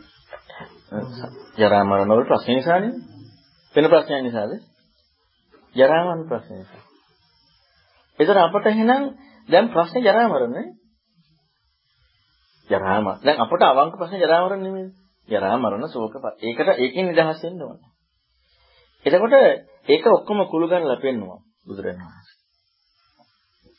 ඒකටම යම් කිසි විග්‍රහයකුත් වාගේ තමයි දුන්නා. දැන් ඒක අපේ කෝණේ අපි ගත්තොත් අපි ලෝකේ ලෝකේ ඕන කෙනෙකුට තේරෙන එකක් නේ. දැන් අර භික්ෂුන් ප්‍රශ්නේ තියෙනවා මොකද්ද? ප්‍රපංච පැවැත්මෙන් අනුස ක්‍රියාකාරීත්වය. ඒ භික්ෂුන් ප්‍රශ්නේ ඒකනේ. ඇත්ත ප්‍රශ්නේ. ප්‍රපංච පැවැත්මෙන් අනුසේ ක්‍රියාකාරීත්වය. ඕකයි මේ භික්ෂුන්ගේ ප්‍රශ්නේ. දැන් දැන් ඔන්න හිතන්න දෛත්‍යමන්ගේ පටිසමුප්පාදයේ වෙන එක ලෝකය වෙන එක ඔය දෙකුණත් තමයි ප්‍රශ්නේ තියෙන්නේ. පටිසමුපාද වෙන එකක් ලෝකෙ වෙන එක. දැන් අපිට ඔන්න ජර මම මම හිතන්නේ මේ ආර්ය සත්‍ය විග්‍රහයේදී විග්‍රහ කරේ පෙන්වුවේ ಜಾතියක් දකින්න ඕන විදිය, ජරාව දකින්න ඕන විදිය, පංචපාස්කම් දකින්න ඕන කෝණියත් එක්ක. එතකොට තවත් මේක මම මොකක් හරි එහෙම කියවන්නේ. මේක මේකත් එක්කම. ඈ මුලින්ම සමුදේ. එතකොට ඔන්න දැන් ඒක වෙන එකක් නෙමෙයි හැබැයි. දකින කෝණ. දැන් අපට දැන් දැන් ඔන්න අර මං අරගත්ත බාලදක්ෂය නම් බාලදක්ෂය ගැන මට හම්බෙන්න ඕන නැති වෙන එකක් හම්බෙලා හරියන්නේ නැහැ නේ. බාලදක්ෂය ගැනම හම්බෙන්න ඕන නැති. දැන් අපිට ಜಾතිය නම් මේ ಜಾතිය පිළිබඳව අපි දකින කෝණ කෝණේ නෙමෙයි වෙනස් වෙන්න ඕනේ. අපේ ජරා මරණ දුකේ කෝණ වෙනස් වෙන්න ඕනේ. කෝණ වෙනස් වෙන්න දෙයක් කිව්වා. මුකුත් හම්බෙන්නේ නැහැ කෝණ වෙනස් වෙන්න දෙයක් කිව්වා. ජරා මරණ පිළිබඳව කෝණ වෙනස් වෙන්න ඕන විග්‍රහය. ප්‍රශ්නෙටනේ. දැන් ඒ ප්‍රශ්නේ බලන්න ඕන වෙන පැත්තක් කිව්වා. අපිට ඒ තියෙන ප්‍රශ්නේ බලන්න ඕන වෙන පැත්ත. හැබැයි ඒක දැන් අපි ඒකේදී යනවනේ මේක බොරු අරක ඇත්ත කියලා. දැන් අපි මේක බොරු කියන්නේ මොන අපි දැන් මේ පුතඥයාගේ පැත්ත බලනකොට බොරු. අනිත් පැත්තෙන් බලනකොට ඇත්ත. ඇත්ත නම් මේක ඇත්තටම තියෙන්න ඕනද නැද්ද? ඇත්ත නම් ඇත්තටම තියෙන්න ඕනේ මේක. ආ ඒක හදා වෙනස් වෙන්න පුළුවන්ද? ඒක හදාතන එකයිනේ. සත්‍යනේ ඒක වෙනස් වෙන්න බෑ. ඒක ඇත්ත නම් එහෙම තියෙන්න ඕනේ. ඒ කියන්නේ එතනදම නිත්‍ය සංඥාව දානවා. දැන් එතනදී හැබැයි වෙන්නේ සත්‍ය මොන සත්‍යද? ඊතර වෙන සත්‍යය. ඊතර වෙන සත්‍ය තියනවද? නෑ. ඊතර වෙන සත්‍ය. මෙතනත් සත්‍ය. සත්‍ය නෙමෙයිද? ಜಾති මේ සංසාරේ ගමන්. ඒකයි එහෙනම් සම්මාදිට්ඨිය කියන්නේ ලෞකික. ඒකට කියන්නේ මිත්‍යාදිට්ඨිය කියලා. ඒක සම්මාදිට්ඨියක් නේ. ඒ කියන්නේ බුදුරණවහන්සේනකොට කොහෙන් දැන් අද මේ ලෝකය කතා කර කර කිව්වට මේක මිත්‍යාදිට්ඨියක් කිය කියා ඒක බොරුවක්. ඒක සම්මාදිට්ඨියක්මයි. බුදුරණවහන්සේ කොහෙන්වත් කියලා නැහැ ලෞකික සම්මාදිට්ඨිය මිත්‍යාදිට්ඨියක් කියලා. ඒක ඇත්තම දෘෂ්ටියක්. හැබැයි ඒ මොකද්ද? පවතින විදිය. ඒක ඇත්ත. ඒක නිට්ටයයි ඇත්තයි පවතින විදියයි. අතන ලෝකේ ලෝකේ සත්‍යය. ඒක සම්මානේ. අතන ඒක ඊතර වෙන සත්‍ය. හැබැයි මේක දකින්න කෝණය වෙනස් වුණා. දකින්න කෝණය වෙනස් වුණා. දැන් අර භික්ෂුන් ප්‍රපංච ප්‍රශ්න. ප්‍රපංච කියනක ප්‍රපංච කියන තන බුදුරණවහන්සේ වචනයක්ද? නෑනේ ලෝකීය වචනයකට අර්ථයක් නේ. අනුසය කියන එකත් ඒක අන්න බුදුරණවහන්සේ ප්‍රපංචය අනුසයයි කියලා කිව්වා. දැන් භික්ෂුවන්ට ඒ භික්ෂුවන් දැන් ප්‍රපංච කියන එක අනුසය කියන එකයි සමාජීය විමුක්තිගාමීත් එක දන්නවා. ඒ බුදුරණවහන්සේ කිව්ව ක්‍රමයට මොකද්ද මේක? ප්‍රපංච අනුසය කියන්නේ බුදුරණවහන්සේ කිව්ව ක්‍රමයට මොකද්ද? දැන් හම්බ වෙච්ච ප්‍රපංචයි අනුසයයි. දැන් අපි තව එකක් හිතලා බලන්නකෝ. දර්ශනීය සවිසුද්ධ වෙන කාරණාව කියනකොට දර්ශනීය සවිසුද්ධ වෙද්දී යන්කින් සමදම්ම සම්බන්ධන චෝද්දම්මනේ. අන්න දැන් සංයෝජන දුරු වුණා. අන්න දැන් මේව දුරු වුණා. එහෙම එකක් විග්‍රහයක් එනවා. ඒක පස්සේ වෙන එකක් දැන් මම කියන්නේ දකින්න කෙනාට. එහෙනම් මේ උපරිස පරිබ්‍රාජක දන්න ආ මගේ දැන් සක්කාය දිට්ඨිය දුරු වුණා විචිකිච්ඡා දුරු වුණා උපරිස පරිබ්‍රාජක මගේ දැන් සීලබ්බත පරාමාසි දුරු වුණා අන්න දැන් මම මේ එහෙම උපරිස පරිබ්‍රාජක දන්නවද නේ අන්න දැන් මට බුද්ධේ ධම්මේ සංඝයා වෙච්චප්පසද ඇති වුණා එන්න එකක් දන්නේ නැහැ ඒක දාන එකන්නේ ඒක ඒක දාන එකක්. ඒ කියන්නේ හැබැයි ඒක ඇත්තද බුද්ධ? ඒක ඇත්ත. ඒක දාන එකක්. එතකොට දැන් ඔය දර්ශනයත් එක්ක? දර්ශනයත් එක්ක ඔන්න එහෙම මොකක්වත් හම්බෙන්නේ නැහැ. දැන් මෙතන මේ පැහැදිලි කරන්නේ මොනවා හරි දුර වෙන එකනේ. මොනවා හරි දුර වෙන එක. දැන් තව කාරණාවක් තමයි විශේෂයෙන් මම ඒක මතක් වෙච්ච වෙලේ කියන්නම්. අරක මතක් කරගන්න මේක හව කියලා දෙන්න. මොකද මේක කියන්න ඕන එක. බුදුරණන් අසජි කිව්වද අසජි සානසයිලා කිව්වද උපදේශ මම කියන දේ හොඳට අහගෙන ඔයා යෝනිසෝ මනසිකාරය කරන්න. එතකොට ඔයාට මේක හොඳට සම්මතයක් දෙන්න පුළුවන්.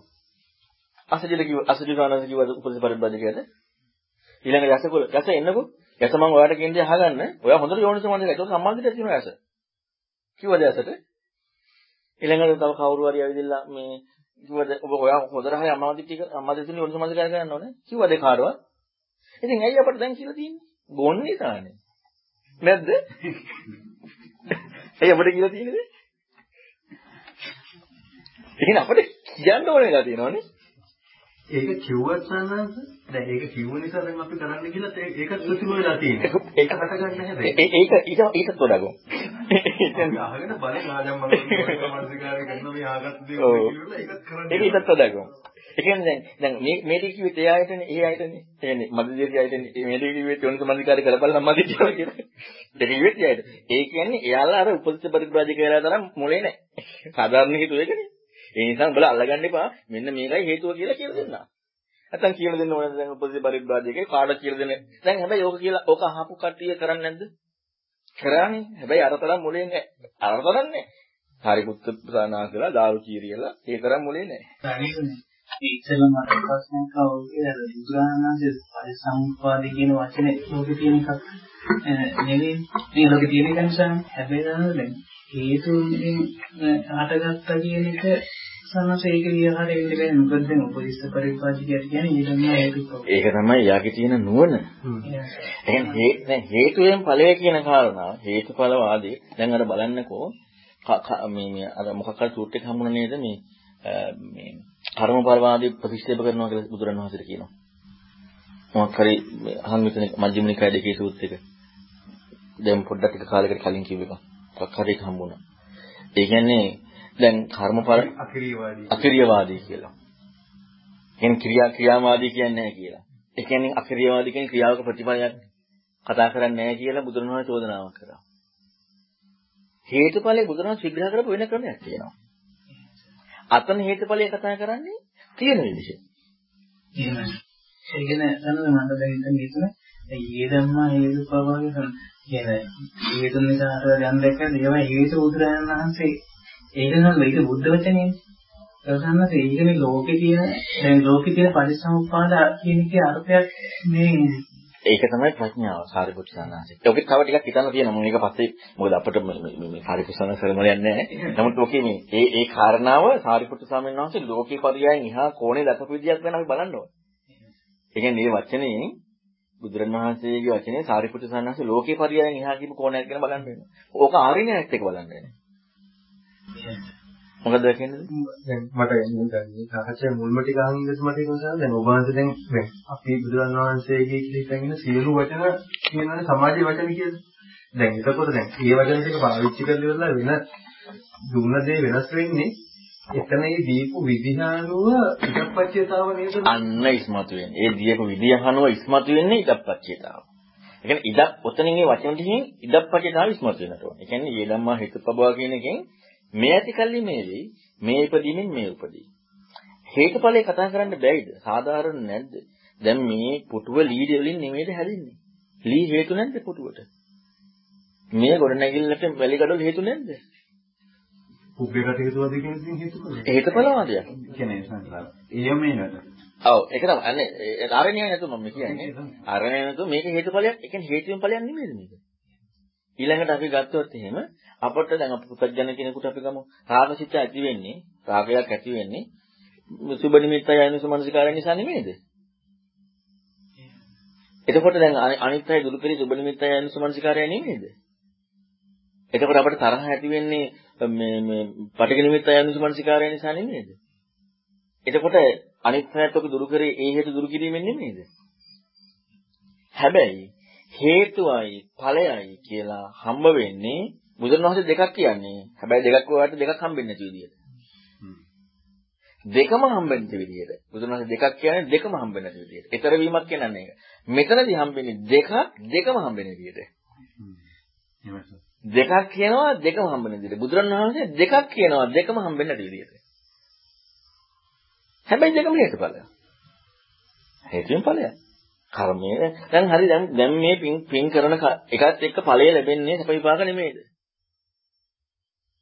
දුක් විපාක මේ හේතුනේ ඒකට වෙනම කිසි දෙයක් හේතු වෙනවද? ඒ ඵලය ලැබෙන්න කිසිම විදියකින් හේතු වෙනවද? වැරදි දෙයක් කිරීම. හේතුව ඒකමයි. හැබැයි හේතුවයි ඵලයයි දෙකක් දෙකම ඇත්තයි. අතන හේතුවයි ඵලයයි දෙකක් දෙකම බොරු. කියන්නේ එතන මොනක් ඒක ඒක තමයි. ඒකටම නුවණ ඒක ඒ ඒ ඒක අපි ඉච්චර හිතන්නේ. ඊ ආර්ය න්‍යාය එන්න ඕන ක්‍රමේ. ඔක පස්සේ කතා කරමු සාරිපුත්සාන්නාසේ ඔය ආර්ය න්‍යායත් එක්ක ආපු හැටි. සාරිපුත්තු ස්වාමීන් වහන්සේ ඔක දකින්න ඕනේ කොහොනේ ඒ ධම්මා හේතු ප්‍රබෝධය සංගත සාගතවාහ කියන එක. ඔතන ආර්ය න්‍යාය ඉස්මතු වෙන්නට ඕන. හේතු වයින් ඵලය කියන කාරණා. එතකොට මම එකක් කතා කරන්න මේ යෝනිසෝමනසිකාරේ. එතකොට දැන් යෝනිසෝමනසිකාරය කියන එක උදාහරණයක් කොහොමද කඩක් කරන්න කිව්වේ නැහැ. මුල් අය කිසි කෙනෙකුට කිව්වේ නැහැ. පස්යෙන් බුදුන් වහන්සේ ශික්ෂාපද පැනෙව්වේ ඇයි භික්ෂූන්ට? ගියෝ අදාළ නැහනේ. භික්ෂූන් මහානදම් පුරන් මේකනේ. අන්න භික්ෂූන් ටික හික්මවන්න මොකටද බුදුන් වහන්සේ ධර්මය අහන්න ඕන විදිහට. ඒ අන්න ඒකට ශික්ෂාපද. ඉතින් ඒකත් එක්කම බුදුන් වහන්සේ දැන් මේ මෙහෙම ඉන්න පිරිසක් ඉන්නවා. ඉතින් උඹලා කරන එක වැරදි. මෙන්න මෙහෙමයි ලෝකවල සම්මාදිට්ඨිය ඇති වෙන්නේ. ඒ තමයි සද්ධර්ම ශ්‍රවණයේ යෝනිසෝමනසිකාරය. අන්න යාලට පොඩ්ඩක් ඇස් වැදුණා. හැබැයි වර්තමාන අර්ථය දන්න නිසා. පොඩ්ඩක් ඇස් වැදුණා. කලින් අයට ඒක අවශ්‍ය නැහැ. මොකද්ද යෝනිසෝමනසිකාරය කරන්න ඕනේ යදාල් නැහැ. අනුපූර ප්‍රතිපදාව අවශ්‍ය නැහැ. අනුපූර ප්‍රතිපදාව අවශ්‍ය නැහැ. දැන් අනුපූර ප්‍රතිපදාව ඔච්චිලා තියෙනවා. ඈ සද්දාගත උපදංග උපදංග විඳ පාවිල පාවිල ඔක්කොම ටික ඒ මොකක්වත් අවශ්‍ය නැහැ. ඒක ඔක්කොම කිව්වේ අර අරක නැති නිසා හැබැයි උපද්දවන්න. උපද්දන්න කිව්වා. උපද්දවන්න කිව්වේ. අපිට එකක් වෙනවා දැන් ඔන්න දැන් ස්ටෙප් මම කිව්වේ අර එකක් තමයි මහා ප්‍රඥාව. ඊළඟට ඊට පස්සේ ඉන්න පිරිස. ඊට පස්සේ ඊට පස්සේ වෙන ටිකේදී ඒක අල්ලගන්නත් අමාරු වෙනවා. මේ යෝනිසමස්තිකාරය කරනවා කියන එකයි සද්ධර්මස්තරවණය කරනවා කියන එකයි ඔන්න ඔය දෙක වෙන විදිය ආය අල්ලගන්න බැරි වෙනවා. හැබැයි අපි බලන්න ඕනේ මේ දෙක වෙච්ච විදිය අතීතෙට ගිහිල්ලා. හරිපුත්තු උපදේශ පරිබ්‍රාජකට වෙච්ච විදිය කියලා බලන්න ඕනේ මේ යෝනිසමස්තිකාරයයි මේ කාරණා වෙච්ච විදිය. අන්න ඒ කාරණාව තමයි අර මං මං අර මේ බාලදක්ෂය ගැන හිතුව කියන අන්නේ ක්‍රමයක් එක්ක. පරිදි පරිද්දාජකගේ ඒ සංසිද්ධිය දිසනන්ස අනුපූර්ව ප්‍රතිපදාව දේශනා නගරට ඒක සිද්ධ වෙලානේ. ඉද්ද වෙලා. යෝනිස මනසිකාර ඉද්ද වෙලා. පංචපාස්කන්ධේ පරිසම්පාදේ ඒ කියන්නේ ඒවා ලෝකේ පරියන් අතර පස්සේ හරියනවා. ඔයිත සෝතෝ කියන එක. ඔයිත සෝතෝ මේ හැම එකක්ම සිද්ධ වෙලා. ඒකට බලන්න එහෙනම් අර මහා ප්‍රඥය ඊළඟ අය ඊට පස්සේ දැන් අපට මේ දැන් අපිට තියෙන්නේ මේ කිලෝමීටර් කෝටි ගාණක් තියෙන දිලුම් කණුවකට බඩ ගන්නවා. බඩ ගන්නවා. ඉතින් බඩ ගගා හරි යන්නට තමයි තියෙන්නේ. බඩ ගන්නවා ඉස්සරහට. හරින්නම් ඉර්ධියෙන් ආරිපුත්තු සාහිණ හන්සලාට ඉර්ධියක් වගේ එතෙන් යන්න දුර යන්න. අනිත් අයට දුවන්න දුවන්න පුළුවන් හැකියාව තිබ්බා. දැන් මේ බඩ ගන්න අයියෝ දැන් නම් බඩ රිදෙනවා දැන් බඩ ගන්න බෑ. අන්න දැන් එතකොට අන්න වෙන දෙයකට දැන් අවදාන දැන් අවදානි නැද්ද? බඩ තුවාල වෙනකොට කකුල් තුවාල වෙනකොට ඒක අවදානි නැද්ද? දැන් ඒ අවදානි අර ඉලක්කෙ නෙමෙයි. දැන් මේක හොඳ කරගන්න ඕනේ. අන්න ඒ වගේ තමයි අහන්න දැන් යෝනිසමන්දිකාරය කරන්න කිව්වේ. අන්න දැන් සම්මාදිටිය කියන්නේ සද්ධර්ම ශ්‍රවණේ. හරි දැන් මේ යෝනිසමන්දිකාරය මෙහෙමයි. හරි දැන් මෙහෙමයි. දැන් අර කරන්න කියපු විදිහට ඒක යෙදෙනවා කරන්න කියපු විදිහට ඒක යෙදෙනවා හරියට ඇහුවොත්. දැන් අර ගන්න ගන්නවා. හරි දැන් ඒක කොහොමද කරන්නේ? හරි. දැන් අන්න ඒ කාරණාවල්. හරියට බඩ ගානනකොට තුවාල ළමයි තුවාල ටික හොඳ කරගන්න ඕන යන්න ඕනේ. ඒ යන්න කලින් මම තුවාල ටික හොඳ කරගන්න බෑ හැබැයි අර කියපු කාරණාව යෝනිසමනසිකාරය දෙන්න ඕන විදිය තියෙන බලන්න. මම අර මේ මේ මොකද්ද මේ මේ මේ මදුබින්දික කියන්න ගත්ත එකත් එක්ක. ඒ කියන්නේ බලන්න ඕන කොහොම කොච්චර වෙනස්ද? ඊළඟ රෝග කියන ගැත්තේ මම ධාතුනානත් කියන්න කියන්න ගිහිල්ලා. ධාතුනානත් බලන්න ඕනේ කොයි විදිහටද? මේක බලන්න ඕනේ කොයි විදිහටද? ඔන්න යෝනිස මනසිකාරය කියන එක නම් කොහොමද දේශනා කරේ? එතකොට බ්‍රහ්ම අර කරයන්කෝ අවසානට ඔක් කතා කරමු. කාර්කුසන්නස්සේ. දැන් ඔන්න එහෙනම් මේ ප්‍රපංචයි ප්‍රශ්නේ ප්‍රපංචයි අනුසයයි ප්‍රශ්නේ. ඉතින් ඒක ඇත්තටම ලෝකේ නැද්ද? ඒ වචන විග්‍රහ තියෙනවද? ඔය දන්නේ නැද්ද? විමුක්තිකාම චින්තනය. හැබැයි මේක මේ සිදුවෙන බුදුරන් වහන්සේ දැන් මෙයාලට අවශ්‍ය මොකද්ද? බුදුරන් වහන්සේ මේක කිව්වේ අර්ථය මොකද්ද? බුදුරන් වහන්සේ මේක දේශනා කරපස්සේ දැන් අර ගොඩක් දෙතුනකට භාග්‍යතුන් කේමක සූත්‍රයේ භාග්‍යතුන් වහන්සේ පංචපාස්කන්ධ ගැන කිව්වා. ඉතින් ආයෙ ඔක කියන්න ඕනේ නෑනේ භාග්‍යතුන් වහන්සේ කිව්වේ. ඇයි භාග්‍යතුන් වහන්සේ කිව්වා කියන්නේ? වෙන කියුවා තියෙනවනේ. පංචපාස්කන්ධ ගැන. වෙන විස්තර නැද්ද? ඒනේ භාග්‍යතුන් වහන්සේ කිව්වේ දෙකිය ඒකත් එක්ක නේ ඉගෙන ගන්න ඕනේ නැත්තේ. අපිට වෙනව තියෙනවද? පංචපාස්කන්ධ ගැන නෑනේ. එහෙනම් නැත්te වෙනව නෙමෙයි.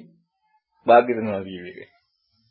නේ නැත්නම් එනව නෙමෙයි භාග්‍යතුන් වහන්සේ කිව්ව එකයි නැත්තේ නැත්තම් ඉතින් අපටත් දැන් ඒ භික්ෂු අනේ ශ්‍රද්ධාවෙන් බුදුරන් වහන්සේ ගැන ඒ නිසා මම භාග්‍යතුන් වහන්සේ කිව්වා කියලාම කියන්න ඕනේ හැම එකටම එහෙම එහෙමද කරන්නේ එහෙම එකක් නැහැ එච්චරටම භාග්‍යතුන් වහන්සේට තන හිතලා කල්පනා කරලා එහෙම එකක් නෙමෙයි එහෙනම් ඒ වෙනද තේරෙන්න ඕනේ නේ අන්න ඒකද දැන් එතකොට ඒ ඒ සමාජයේ ඒ විමුක්තිකාමී සමාජයේ තිබ්බ එකම වචනේ බුදුහාමුදුරුවෝ දේශනා කරපු ඒ එතනදි මේගොල්ලන්ට ඒක වටහා ගන්න ඒ වෙනසක් කවු වෙනවනේ කවු වෙන. හැබැයි වෙනස හම් වෙනස හම්බෙන්නේ හම්බෙන්න නෙමෙයි. ඒ තමයි මොකක් හරි තමන්ගේ වරදකුත් එක්ක හම් වෙනවා. වරද හම්බ වෙනවා වෙනස හම්බෙන්නේ නැහැ. ඒතරම පැත්තට. හිතන්න හම්බෙන්නේ. එහෙම තමයි. නමුත් ඒගොල්ලන්ට මේ පැහැදිලි ඒ කියන්නේ වැටහිමක් කියනවනේ සාමාන්‍යයෙන් මෙච්චර කල් දරාගෙන හිටපු දේ වැරදි. අන්න ඒක තමයි. හැබැයි වැරද්ද එන්නේ කියපු කෙනා වැදගත් නිසානේ. එහෙමයි සාමාන්‍යයෙන්. වැදගත් නිසා ඒක හොයනකොට අන්න වැදගත් නිසා සහ වැරදි විදියට කිව්වා. හැබැයි හරි දේ හම්බවීමක් නෙවෙයි වෙන්නේ ඒතර වීම. එතකොට අපිට අද සංසය අවසාන රපෝට් එක කරගෙන කිව්වේ එක වචනයයි එක අර්ථයයි. එක අර්ථයයි. එහෙනම් එක වචනේ නම් එක අර්ථේ නම් දැන් අනිවාර්යෙන් මේකට දෙකක් තිබිය යුතු නැද්ද? එකක් හම්බුණා නම් හම්බුනේ කාගේ ධර්මයක් එක්කද? බුදුන් වහන්සේ නැතිවත් එක්ක. නැද්ද? එකක් නම් හම්බ වෙන්නේ ඔය හැම එක දැන් බොජ්ජංග 14 ආකාරයට කියන්නේ නිවන 5000 ආකාරයට කියන්නේ බුදුරණාහි කිව්ව එකයි ලෝකේ තියෙන එකයි. ඒකනේ. දෙකක් හම්බ වෙන්න ඕනේ නේ. ඉතින් අපිට එකයි නම් හම්බුනේ. එක හම්බ වෙන්නේ ලෝකේ තියෙන එකටනේ. එහෙනම් බුදුරණවහන්සේ කිව්ව එක හම්බෙලා නැහැ නේ. එහෙනම් බුදුරණවහන්සේ කිව්ව එක හොයන්න ඕනේ නැත්තේ. ඒකයි අර වික්ෂුන් හැම වෙලේම බුදුරණවහන්සේ කිව්ව එක අනිත් එකට යන තමයි. තව පංචමස්කන්ධ විග්‍රහය තියෙනවනේ. තව පටිච්චසමුප්පාද විග්‍රහය තියෙනවනේ. ඔන්න ඔය දෙයත් එක්ක ඒ ඒ කාරණාව හම්බෙන්නේ. එතකොට එහෙනම් ඔන්න හොඳට දැන් බලන්න වෙනවා මේකේ ඒ හොඳට තේරෙනවා ඉතින් පංචමස්කන්ධය මට හම්බෙනවා ඉතින් අපට බුදුරණවහන්සේ කිව්ව එක නෙමෙයි හම්බෙන්නේ බුදුරණවහන්සේ. පුංචි බුදුරණවහන්සේ කිව්ව එක හම්බුණා නම් මට හම්බෙන්නේ තියන්නේ නෑනේ. දැන් අර චන්දසාරණන්ට හම්බුනේ මටනේ. බුදුරණවහන්සේ කිව්ව එක නෙමෙයිනේ. ඉතින් බුදුරණවහන්සේ කිව්ව එක නම් මට හම්බෙන්න දෙයක් නෑ. ඒ ඇත්තටම සත්‍ය වශයෙන්ම චන්දසාරණන්ස කියන්නේ. අවංකවමනේ කියලා කියන්නේ. ඉතින් අවංකවම කියලා කියන්නේ Tamanට හම්බෙච්ච එක. ඒ බුදුරණවහන්සේ කිව්ව එක නෙමෙයි. එතකොට නම් ඔන්න බුදුරණවහන්සේ කිව්ව එක නම් ඔන්න ඔය දෙක වෙනස් වෙනට එනවා. අනිත් එක තමයි දෙක හම්බෙනවා කියනකොට දෙකක් හම්බෙන්නේ නැහැ. දෙක හම්බෙනකොට හම්බ වෙන්නේ කියපු විදිහක් විතරයි හම්බ වීමක් නෙමෙයි දෙක හම්බ මම කියුවේ තේරෙනවද? ඒ දෙවිදිය හම්බ වෙනකොට දෙවිදියක් හම්බෙන්නේ නැහැ. එක විදියක් හම්බ වෙනවා. ඒ විදියට වඩා වෙනස් කියපු විදියක් හම්බ වෙනවා. ඒක හම්බෙන්නේ නැහැ. පංචපාස්කන්ධය ගැන එක විදියක් තාත්වික වූ අර්ථයක් හම්බ වෙනවා. ඔක එක විදියක්. ඒක ඇත්තටම හරි. ඔක එක විදියක්. දෙවැනි විදිය පංචපාස්කන්ධය ගැන කියපු තාත්වික අර්ථය හම්බෙන්නේ නැහැ. තාත්වික අර්ථය කියන්නේ තාත්වික ප්‍රායෝගිකත්වය හම්බෙන්නේ නැහැ. හැබැයි මේකට වෙනස් වෙනස් කියපු විදියක් හම්බෙනවා. ඒ වෙනස් කියපු විදිය හම්බෙලා නැහනේ. දැන් මට හම්බුණා නම් සාධාරණ නැද්ද මට කියන එක? සාධාරණයි. ඉතින් වෙනස් විදියක් හම්බෙලා නැහනේ. ඉතින් ඒක කාටද අයිති? බුදුරජාණන් වහන්සේට අපට හම්බෙන්නේ නැහැ. හම්බෙලත් නැහැ. ඒක අයිති එක්කෙනෙක් ඉන්නවා. ඒක අපි දන්නෙත් නෑ මෙලෝදියක් දන්නේ ඒක අයිති කෙනෙක් ඉන්නවා බුදුරජාණන් වහන්සේ. හැබැයි දෙවිදියක් නෙමෙයි එතකොට. එතකොට දෙවිදිය හම්බෙන්න ඕන නැත්තේ එක විදියක් හරියටම හම්බෙනවා. අනිත් විදිය හම්බෙන්නේ නැති බුදුරජාණන් වහන්සේ කීප විදියක් තියෙනවා. හම්බෙන්නේ නැහැ. බුදුරජාණන් වහන්සේ කීප විදියක් තියෙනවා. එච්චරයි. අර දෙකේම අහන්න ගිහිල්ලා බුදුරජාණන් වහන්සේ කීප. එයා බුදුරජාණන් වහන්සේ කීප තියෙන්නේ. ඒ භික්ෂුන් දන්නවා දෙවිදියක් තියෙනවා කියලා. ඒ දෙවිලෙක් කියන්නේ ලෝකේ හම්බෙන සාති විදසයි විදහස අරකයි බුදුරණවහන්සේනේ. එහෙනම් බුදුරණවහන්සේ කියව විදිහක් තියෙනවා. හම්බෙන්නේ නැහැ. ඇයි හම්බෙන්නේ කියන්නේ ඊතර වෙනවද? හම්බෙන්නේ කොහෙද? හම්බෙනවද? ඊතර වෙනවා. පංචපාස්කන්ධ උදේවය ලකුණ ඊතර වෙනවා. හක්කදිටි දුරු වෙනවා. ඊතර වෙන මාර්ගයක් තියෙන හම්බීමක් නෙමෙයි. හම්බ වෙනවා එක විදිහකට. බුදුරණවහන්සේලා ඒ විදිහට. හම් වෙන විදිහට වෙන්නේ. ඒක වචනේ සමිපරාර්ථ අර්ථයෙන්ම බුදුරන් වහන්සේට පමණමයි අයිති. වචනේ සම්පරාර්ථ අර්ථයෙන්ම අයිති බුදුන් වහන්සේ විතරයි. වෙන කාටවත් අයිති නෑ. හැබැයි වෙනස් විදියක්. එච්චරයි. වෙන කාටවත් අයිති නෑ. ඒක සදාතම කියන දේෙන් නිදහස් වෙනවා කියන එක ඒ කියන විදිහම සන්නස බැහැර වෙනවා. ඒකෙම බැහැර වෙනවා. ඒ වෙන දෙයක් හම්බෙලා නෑ. තියෙන දේෙන් අයින්නවා කියන එක එහෙමම බැහැරෙන. එතකොට ඔන්න එහෙනම් ඒ එන්න මම කියන්න ගත්ත මොකක් එකද? ප්‍රපංචයි අනුසයයි. එතකොට ප්‍රපංච අනුසය කියන කාරණාව දැන් අපට නම් තේරුම වචන තේරුම නැහනම් අපි මොන හරි දෙමළ වචන ටිකක් කිව්වොත් එහෙම ඔයාලා අහන්නේ අර්ථය දැක් ඔය කියපු වචනේ අර්ථය මොකක්ද වචනේ මොකද්ද සිංහල තේරුම අහන්නේ මොකද්ද අපි අපි භාෂාව දන්නේ නැහැ අපි මේ මොකද දන්නේ වුණ දෙමළෙන් කවුරුත් කියනවා ඔක අහන්නේ අපි ඕකේ මොකද්ද සිංහලෙන් කියවෙන්නේ ඔක නෙමෙයි අහන්නේ. ඒකනේ අහන්නේ. දැන් මේ වික්ෂුන්ට ඔක අහන්න ඕනද? ඔකේ සිංහලෙන් කියවෙන්නේ මොකද්ද? නෑ ඒක දන්නවනේ. එහෙනම් ඔකේ අර්ථය මොකද්ද? බුදුරණවහන්සේ කිව්වේ අර්ථය. ඔන්න ඔය දෙක බලන්නට ඕනේ. ඒ භාෂාවෙන් කිව්වේ. ඒ භාෂාවෙන් කිව්වේ දැන් මම මම මෙහෙම කියනවා. මම ෆෝන් එකකින් කෝල් එකක් ගන්නවා. ඔයාලා කොයි වෙලේවත් අහනවද ෆෝන් එක කියන්නේ මොකද්ද? කෝල් එකක් ගන්න කොහොමද? ඒ ෆෝන් එක කියන වචනේ තේරුම් අහන්නේ නැහනේ. එතකොට දැන් මම මේක නොතේරෙන විදිහට මොකක් හරි කිව්වොත් ඔන්න යම් කිසි හිතන කෙනෙක් අහනවා ෆෝන් එකකින් කෝල් එක කරනවා. කොහොමද ඔය ෆෝන් එක කියන්නේ මොකද්ද කෝල් එකක් ගන්නවා කියන්නේ? ඔන්න හිතන කෙනෙක් අහනවා. හිතන කෙනෙක් අහනවා ෆෝන් එකකින් කෝල් එකක් ගන්නවා කියන්නේ මොකද්ද කියලා. හිතන කෙනෙක්. අනෙක් කෙනාට ෆෝන් එකකින් කෝල් එකක් ගන්නවා කියනකොට අපේ භාෂාවේ අර්ථයන්නේ ආය අහන්න දෙයක් නැහැ. හිතන කෙනාට ප්‍රශ්නයක් නැද්ද? දැන් කවුරු හරි කාටවත් කියනකොට ෆෝන් එකෙන් කෝල් එක ගන්න කොහොමද කියන්නේ? මට නම් බෑ. බෑක්ස් මහත්තයා සමහර පොඩ්ඩක් හරි පුළුවන් අද ඉලෙක්ට්‍රොනික පැත්ත දන්න නේද? මම නම් දන්නේ නැහැ මේ ෆෝන් එකෙන් කෝල් එක ගන්න කොහොමද කියලා.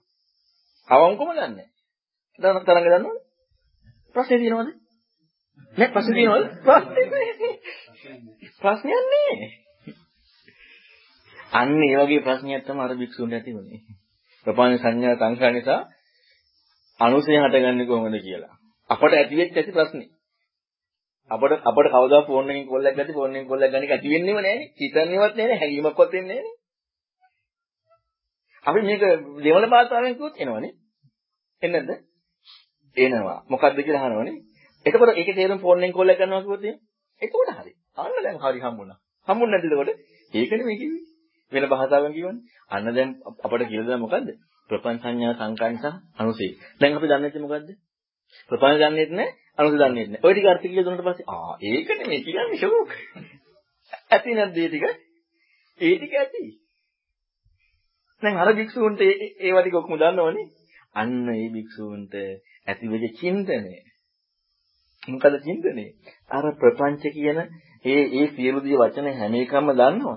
හැබැයි මේකේ මේ ක්‍රියාවක්, මේකේ විස්තරයක්, මේකේ සිදුවීමක්. අපි මේකට අපි මේකට ෆෝන් එකක් කෙනෙක් කොච්චර බොරුද?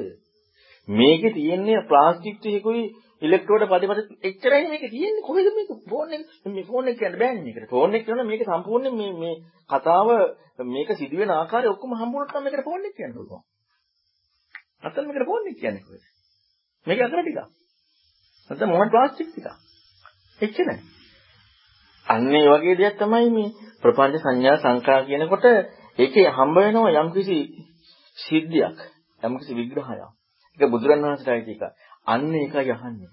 මොකද්ද මේ කියලා. කොච්චර ගැඹුරු ප්‍රශ්නයක්ද අහන්නේ.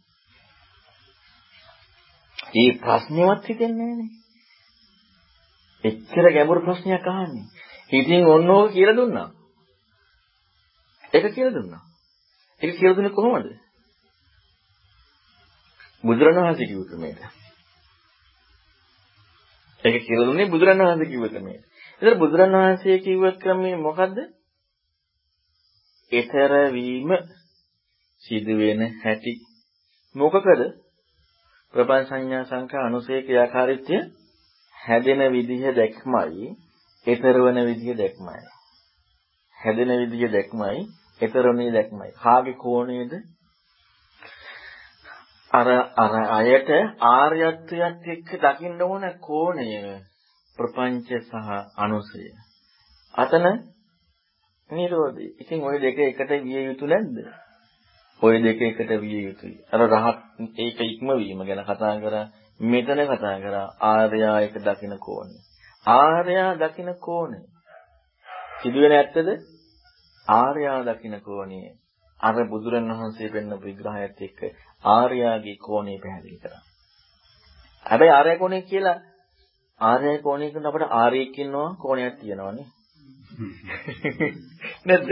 ආර්යෙකුත් තියෙනවා. දැන් මෙතන කිව්වද ආර්යගේ කෝණයක් කියලා? නෑ කිව්වේ නෑ. ඇයි කිව්වේ නැත්තේ? ආර්යෙකුයි කෝණෙකුයි තියෙනවද? ඈ? ආර්යෙකුයි කෝණෙකුයි තියෙනවද? නිත්‍යයිනේ. ආර්යකුයි කෝණෙකුයි තියෙනවා නම් ඉතින් ඒ නිත්‍ය වූ ආර්ය කෝණයෙන් නැති වෙලා නිවන් දකින්නේ. නැද්ද? ආර්යකුයි කෝණෙකුයි කිව්වට පස්සේ. ඒකවල බලන්න එන මේක මේ කොහොමනම් හිතන්න දේවල් නැද්ද ධර්මයේ? ඉතින් ඕකට යෝනිසමනසිකාරය කියන එක හරියට හෙදි දාගන්න දාගන්න ඕන නැතුව සිදු වෙන්නේ නැද්ද? හරියට හෙදි දාගන්න ඕන නැතුව සිදු වෙන්නේ. හරියට හෙන්න තුනම දාගන්නත් ඕන සිදු වෙන්නේ නැහැ. දාගන්නත් ඕන සිදු වෙන්නේ නැහැ. ඒකයි වැඩේ තියෙන්නේ. හරියට ඇහෙනකොට දැන් ඔබ හිතලා ඉවරයක් කරන්න බෑනේ. හිතලා ඉවරයක් කරන්න බෑ. ඔන්න අපි දකින්න ඕන විදිය, දකින්න ඕන පැත්ත. දකින්න යන්න ඕන විදිය. ධාතුනානන්ද සූත්‍රය. ධාතුනානන්ද සූත්‍රයේ මේ මොකද කියන්නේ ධාතුනානන්ද රූපං පටිච්ච මට මතක නැහැ. රූපයෙන් රූපපච්චය නෑ රූප සංඥා නේ. රූප සංඥා, රූප සංචේතන, රූප සම්පස්ස, රූප සම්පස්සජා වේදනා ඒ ඔය ඔය විදිහට කියන්නේ නේ. ධාතුනානත් සූත්‍රවල කියන්නේ. රූප රූප සංඥා පටිච්ච රූප පරිේෂණ රූප සංඥා රූප සංචේතන රූප විතක්ක රූපලාභ නේ. ඔව් රූපලාභ ඊළඟට ඒ ඔක්කොම ටික කියනවනේ. දැන් අපි ඕකට දාගන්නේ නැද්ද? ඇහෙන් රූපයක් දැකලා ස්පර්ශයේ ඉතිරිලා ඒ ස්පර්ශයේදී ඊළඟට රූපයක් හම්බ වෙලා හම්බෙච්ච දේ ලැබිලා ලැබෙන දේ පවත්වනවා කියලා දාගන්නවද නැද්ද? ඒ අපිට ඉතුරු ටිකක් ඕනේ නැද්ද? ඉතුරු ටික ඕනේ නැද්ද? ඉතුරු ටික ඕනේනේ. ඉතුරු ටිකක් ඕනේ. පුදුමවත් ඇයි දන්නේ මේ ටික කිව්වේ නැත්තේ නේ? ඒ කියන්නේ එතන කියනකොට මේ රූප සංඥා විතරක් කියලා ඇයි රූප සංඥා ඇති වෙන්නේ චක්කු සම්පස්සජා වේදනා චක්කු සම්පස්සෙන් නෙමෙයිද? චක්කු සම්පස්සය චක්කු සම්පොඳට ආහිතන්න ආහිතන්න චක්කු සම්පස්සයෙන් පටිච්ච සමුප්පාද විග්‍රහයේදී රූප සංඥාව කියලා කොහේ හරි තියෙනවද? අපි සම්බන්ධී නෑනේ. ඉතින් ඇයි අපි ඒකට දාන්නේ ඒක? ඊළඟ කොහේ රූප සංඥා කියලා? පරිසම්පාදිත. යකෝ සම්පත වේදනා කියන්නේ. ඊළඟට කියන්නේ දන්නානේ. ඊළඟට උපාදාන බව ඔය ටිකනේ කියන්නේ. සංඥාව කියලා කියන්නේ සංඥාව කියලා කියන්නේ සංඥාව කියන්නේ මේ මේ මේ මේ නාම රූප නාම රූප එකේදි තියෙනවා. සංඥාව එතන සංඥාව කියන්නේ දැන් අපට ඕනේ උදෙන් සංඥා දා ගන්න ඕනේ චේතනා භවයට දා ගන්න ඕනේ මොනවා හරි එකක් අපිට අපි දාගත්ත ටික ගිල්ලවන්න ඕනේ නේ. භවයට චේතනාව දාලා මොකක් හරි එකක් අපිට ඒ කියන්නේ අර හිතන්න ඕන ටික නේද ගිල්ලව ගන්න ඕනේ නැද්ද? දැන් අපිට ධාතු අනන්ත සූත්‍රයේට අර අපි දන්න රූප සම්පස්සේට ආ මේකද ඇහැ රූප වෙන එකතු වෙලා ඔන්න ඔය ටික සිද්ධ වෙලා ඊළඟට ඒකෙන් තමයි මේ ඕනේ නැද්ද? ඕනේ වුණාම මොකද වෙන්නේ? අනේ හිතන් දුන්න ටික හිතන්නේ නැහැ. හිතන්න දුන්න ටික වෙයි. තේරුම් ගන්න හොඳයි යම් කිසිම ඇත්ත එහෙම තමයි වෙන්නේ. මොකද සිදුවීම ඒකනේ ඇත්ත. හැබැයි මේක මේ පැහැදිලි කරේ ඔන්න මම අර කලින් කිව්ව හිතන්න. දැන් ඕකෙත් කියලා නේද ගහ ගන්නවා කියලා. ලාභය ලැබිලා ඊළඟට මේ තව අවසානයේදී ගහ ගන්න කතාවක් කියනවනේ. ගහ ගන්නවා. මේ රූප සංඥා දැන් අපි කවුද රූප සංඥාවෙන් ගහ ගන්නවද? ඈ? හද සංඥාවෙන් ගහ ගන්නවද? දැන් එහෙනම් අපි කට්ටිය ගහ ගන්න වෙනවා සද්ද සංඥාවත් එක්ක. ගහලා නැහැ කවුරුත්. ගහගන්නත් එපේ. ලැබිලා ගහගෙන ඔක්කොම ටික එන්නට ඕනේ. දැන් ඕක ඔය ඔය පෙන්වන විස්තරයන්නේ ඕකට කියන්නේ ධාතු කියලා නේ. ස්වභාව විස්තරයක් කිව්වා. ඔකට ධාතු විස්තරයක් කිව්වා. ධාතු විස්තරේ ධාතු කියන කාරණාවත් එක්ක හරි ධාතු කියන එක හොයන්න යමු වෙන්නේ. රූප සංඥාව කියන කාරණාව හැබැයි ඕකම ඔය දෙම දකින්න කෝණය තමයි පටිසමුප්පාද. දකින්න කෝණය තියෙන එතකොට තියෙනව හම්බ වෙනවද?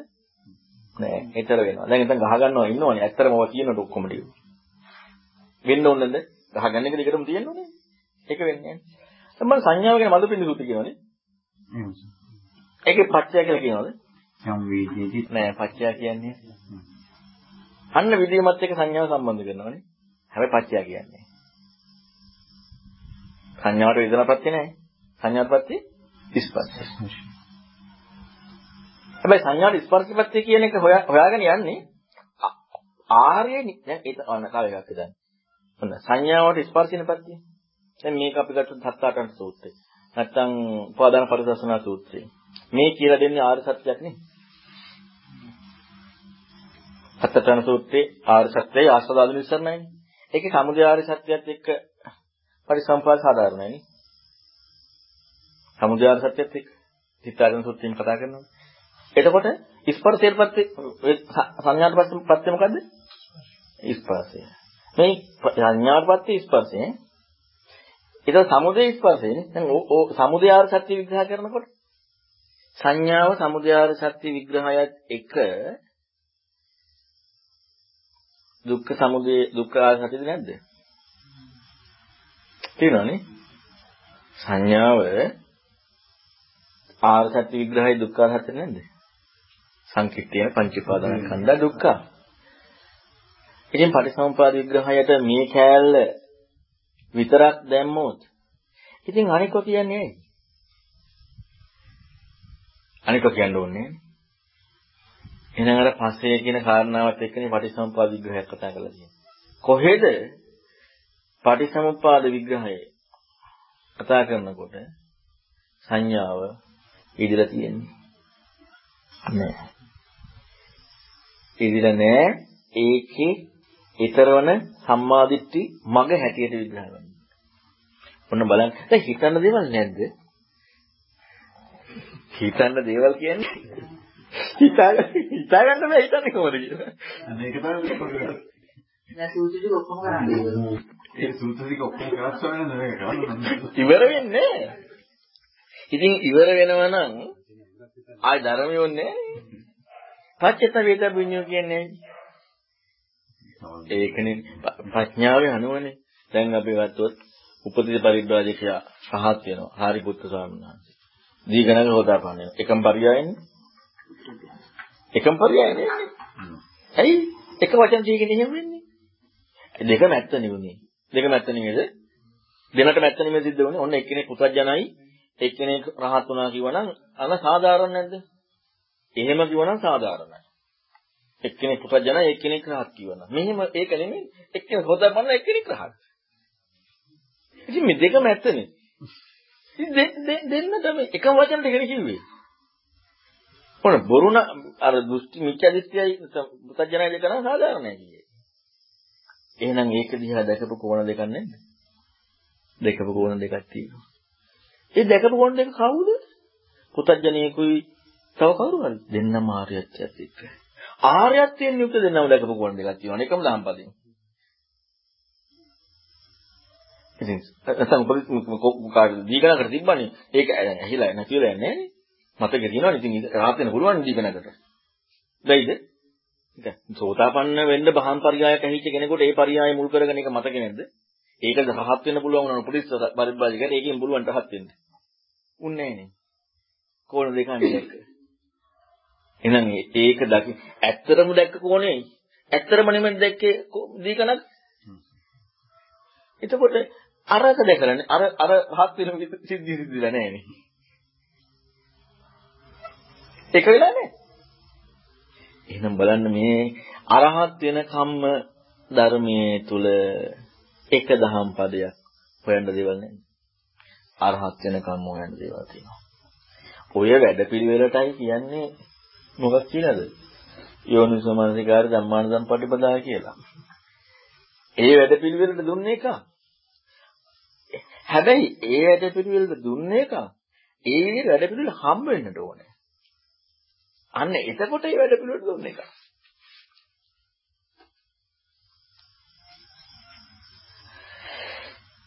ඊට පස්සේ කාලේ දැන් ගොඩ ගියා. මේ මොකද? කි 10 10 වෙනත් 10ක් කතා. අම එන්න සාරිපුස්සනන්සේගේ පස්සේ කතා කරමු. මේකට මොකද ඒකට මං හිතලා නෑනේ මට හිතන්න ඕන කියලා හිතුණා මිසක් හිතලා නෑනේ. හිතන්න ඕන කියලා හිතුනේ. හිතන්න දෙයක් තියෙනවනේ. හිතලා නෑ. ඉතින් හිතපු හිතලා තියෙන දෙයක් නම් ඔන්න දැන් හරි මේකයි කියලා මට කියලා දෙන්න පුළුවන්. මං හිතන්න ඕනේ ඒක. ඉතින් මේ හැබැයි ඉතින් හිතන්නත් මේ දැම්ම තමයි හරියන්නේ. සාමාන්‍යයෙන් ඉතින් මම හේතු නිසා හටගත් කන්දයකද ඒවායේ හේතු කියලා අපෝ නිසා තේසං හේතු නිරෝධ පදාකටන් තේසං හේතු. ඒ ඒ ඒ වගේ නෙමෙයි ඒ හේතු. ඒ වගේ හේතු නෙමෙයි ඒ හේතු. ඒ හේතු ඒ හේතු. එහෙනම් අසති බව නිරෝධයනේ. ඒ හේතු. යේ ධම්මා හේතුප්පබව. දැන් අපට අපට ඕක ඇහෙනකොටම හම්බ වෙනවා යේ ධම්මා කියනකොට යම් ධර්මයක් කියනකොට ධර්මයක් හම්බ වෙනවා. යේ ධම්මා හේතුප්පබව. හේතුයෙන් හට ගන්නකොට හේතුවක් හම්බ වෙනවා. ඇත්ත හම්බ වෙනව නැත්තේ නෑ. හැබැයි ඊතර වෙන්න ඕන. දෙකක් නේ. ඊතර මේක මේ ඇතිකල්ලි මේ වෙන්නත් ඕනේ. ආරණ්‍යයට ඕනේ. දෙක දෙවිදියට නම් කරනකොට දෙවිදියට නම් කරන් තියෙන්නේ. බලන්න මේක කොහොම කියන්නේ ඉන්නේ. නම් කරලා තියෙන දෙවිදියටමනේ. හැබැයි මේ ධම්මා හේතු බලන්න හිතාගන්න බෑ උපදේශ පරිබ්‍රජක එනවනේ. මේ වචන දෙකට මෙහෙම එහෙනම් අරයා කිප්පාබිඤ්ඤා කියලා කිව්වේ රහත් වුණානේ. ඒ කියන්නේ වචන ගොඩාක් කියලා රහත් කිප්පාබිඤ්ඤායි මේ ප්‍රඥාවෙන් නම් කරන්නේ. කිප්පා කියන්නේ ඉක්මනටම සිද්ධ වුණා කියන එකනේ. ඒ කියන්නේ රහත්ත්වයටපත් වීමනේ කතා කරන්නේ. මෙතන තියෙන්නේ සෝතාපන්න මේ වචන ඔක තමයි අඩුම. අරයට විතලික මත භවිෂති කියලා කරුණු ගොඩක් කිව්වා. මේක තමයි අඩුම. එතකොට ඒ අරගෙන හිතන දේකුත් තියෙනවනේ තව මොනවද? යේ ධම්මා හේතුප්පවා කියනකොට යම් ධර්මයක්. යේ යම් ධර්මයක් හේතුවෙන් ප්‍රභවය වෙනවා. හේතුයෙන් ප්‍රභව වෙනවා. දැන් එතකොට දැන් අපට අපට හොඳට හිතලා බලන්න ධර්මයේ වෙනමයි හේතුව වෙනමයි කියලා නැද්ද?